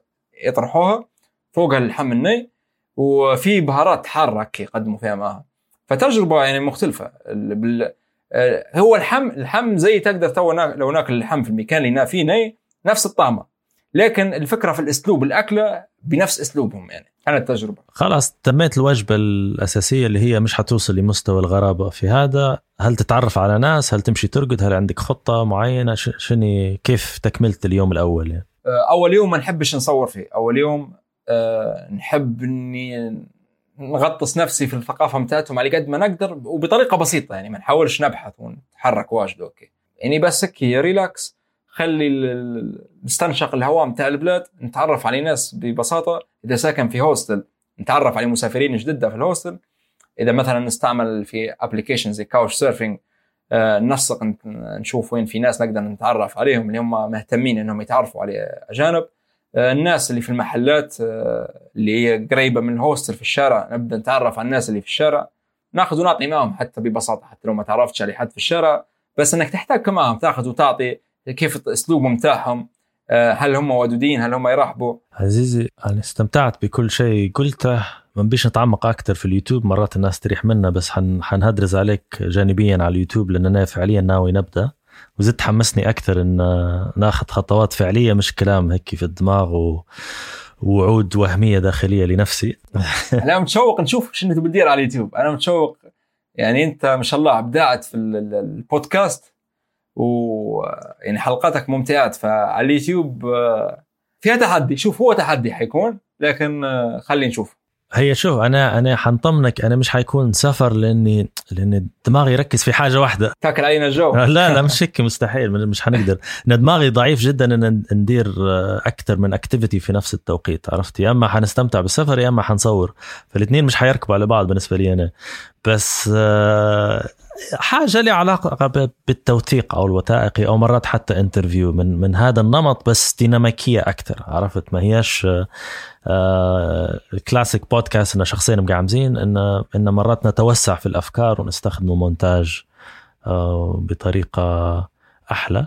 بس في نفس الوقت مرات ندير حاجة هيك غريبة خطرت علي آه الأسئلة اللي في دماغي. مثلا كيف حد آه يكون عنده لي تأثير في البودكاست في اليوتيوب كمحطة. ونبدأ الرحله ونوثق الرحلة هذه. يعني إن آه والله في, الأول لازم ندور المحتوى اللي نبيه ونقعد نبربش من محتوى لآخر الحاجات اللي هنا تستسيغني وبعدين نختار واحدة. كيف تدير نقلة من zero ل 1000 subscriber؟ نشوف ال tricks هذا اللي موجودة على جوجل ونشوف فعليا الناس شن طبقت ونوثق الرحلة هذه. نحس فيه ك... كأنه how to guide اللي هي أتوقع حسب ما أنت تعرف اليوتيوب وكل الأماكن هذه عندك محتويين يا إما محتوى تعليمي educational يا إما محتوى ترفيهي. فأتوقع اللي يدير في الاثنين هو ال... هو اللي ينجح ويكون عنده تميز. مش عارف شو نظرتك أنت يعني أنت محتواك الاثنين يعني أنت ترفيهي تجيب في حاجات غريبة حاجات آآ آآ لما حد يتفرج عليها أول مرة يشوفها وفيه جانب الشغف و adventure وفي معلومات في معلومات قيمة في التاريخ في معلومات قيمة عن ثقافات الناس. بس ما نعرفش. آه حق سؤال مليح في النقطة هذه. يعني أنا دخلت بيك زنيقة وقاعد آه قاعد سرحان بيك. أنت؟ أنت بديت بجملة بعدها قالت statement بعدها سؤال. شفت. و... لغ... لغ... لغويا أنا لغويا صفر على الشمال. بس سؤالي هذا في الموضوع. أنت علشان تتفرج فوت الناس اللي تسافر وهيك على اليوتيوب لما تفتح أنت شنو المحطات اللي هي هذه عادي تقضي معها ساعة و... ومستمتع يعني. أكثر شيء ممكن نتفرج stand up comedy غير اليوتيوب نحضر في أفلام نحب نحضر أفلام. مع ال... مع ضيق الوقت بديت نقلل من, من الأفلام. بس يعني صدقا أنا ما عادش نحضر في اليوتيوب بالكمية اللي نحضر فيها من قبل لأن ال... اللي ندير فيه ياخذ في أغلب الوقت. فنفرح لما نحصل فرصة ونفتح اليوتيوب لأني نحب اليوتيوب واجد. لما نفتح اليوتيوب نحصل فرصة يا أما stand up comedy يا أما نحضر في فيديوهات تعليمية عشان نطور من نفسي أكثر أو نتفرج على فيديوهات سفر عشان نشوف الناس إيش قاعدة تدير. يعني غيري أنا نشوف صناع محتوى السفر التانيين وين واصلين شنو في حاجات شنو قاعد يصير في المجال اللي أنا نشتغل فيه حاليا يعني. عزيزي قول لي أنت شنو آخر كلماتك؟ هل بتعطي نصيحة بتعطينا فكرة شو بدير القدام اللي في بالك يختم به انت يعني. والله لو واحد بيعطي نصائح في حاجات وجدات لو الواحد بيحكيها مش عارف إذا الناس تتقبل أصعب شيء إنك تعطي نصيحة وإن الناس تاخذ بها مش عارف يعني أنا عن نفسي لما أسمع الناس تنصح وتقول دير كذا ودير كذا ودير كذا لأن كذا كذا وكذا أنا عن نفسي ما نأخذش نصيحة إلا لو كان أنا نبحث عنها النصيحة هذه بس في شيء يعني نحب إني نشاركه. خلي ما نسموش نصيحة خلي نسموه إني اشارك فيه من تجربتي. اللي هو أهمية الشغف. ممكن تبدو لبعض الناس كماليات لأن نحن تو عايشين في وقت في ظروف صعبة واجدة وأغلب الناس قاعدة تخدم بيش تعيش بس الشغف مهم الشغف مهم. الأفضل يعني إن الواحد يشتغل شيء هو عنده بشغف. إنه يحس إنه قاعد يساهم أو إنه قاعد عنده دور معين. وصعب صعب إن الواحد أصلا يقدر يوصل للشغف هذا وإنه يقدر يخليه واقع إلا لو إنه يضطر يدير تضحيات اللي هي تختلف من شخص لشخص زي ما كنت نحكي من بدري. بس الواحد لازم يخلي في باله إنه يعطي الشيء اللي يدير فيه أقوى ما عنده وإنه لو سكر قدامه الطريق ربي يفتح له طريق واحد أخرى. وممكن يكون مش مكتوب للشيء هذا ممكن ربي كتب له حاجة واحدة أخرى. عزيزي أه ألهمني أكثر وحسيت بضغط أنا ندور فيها نصائح هذه خاصة لموضوع اليوتيوب. ف...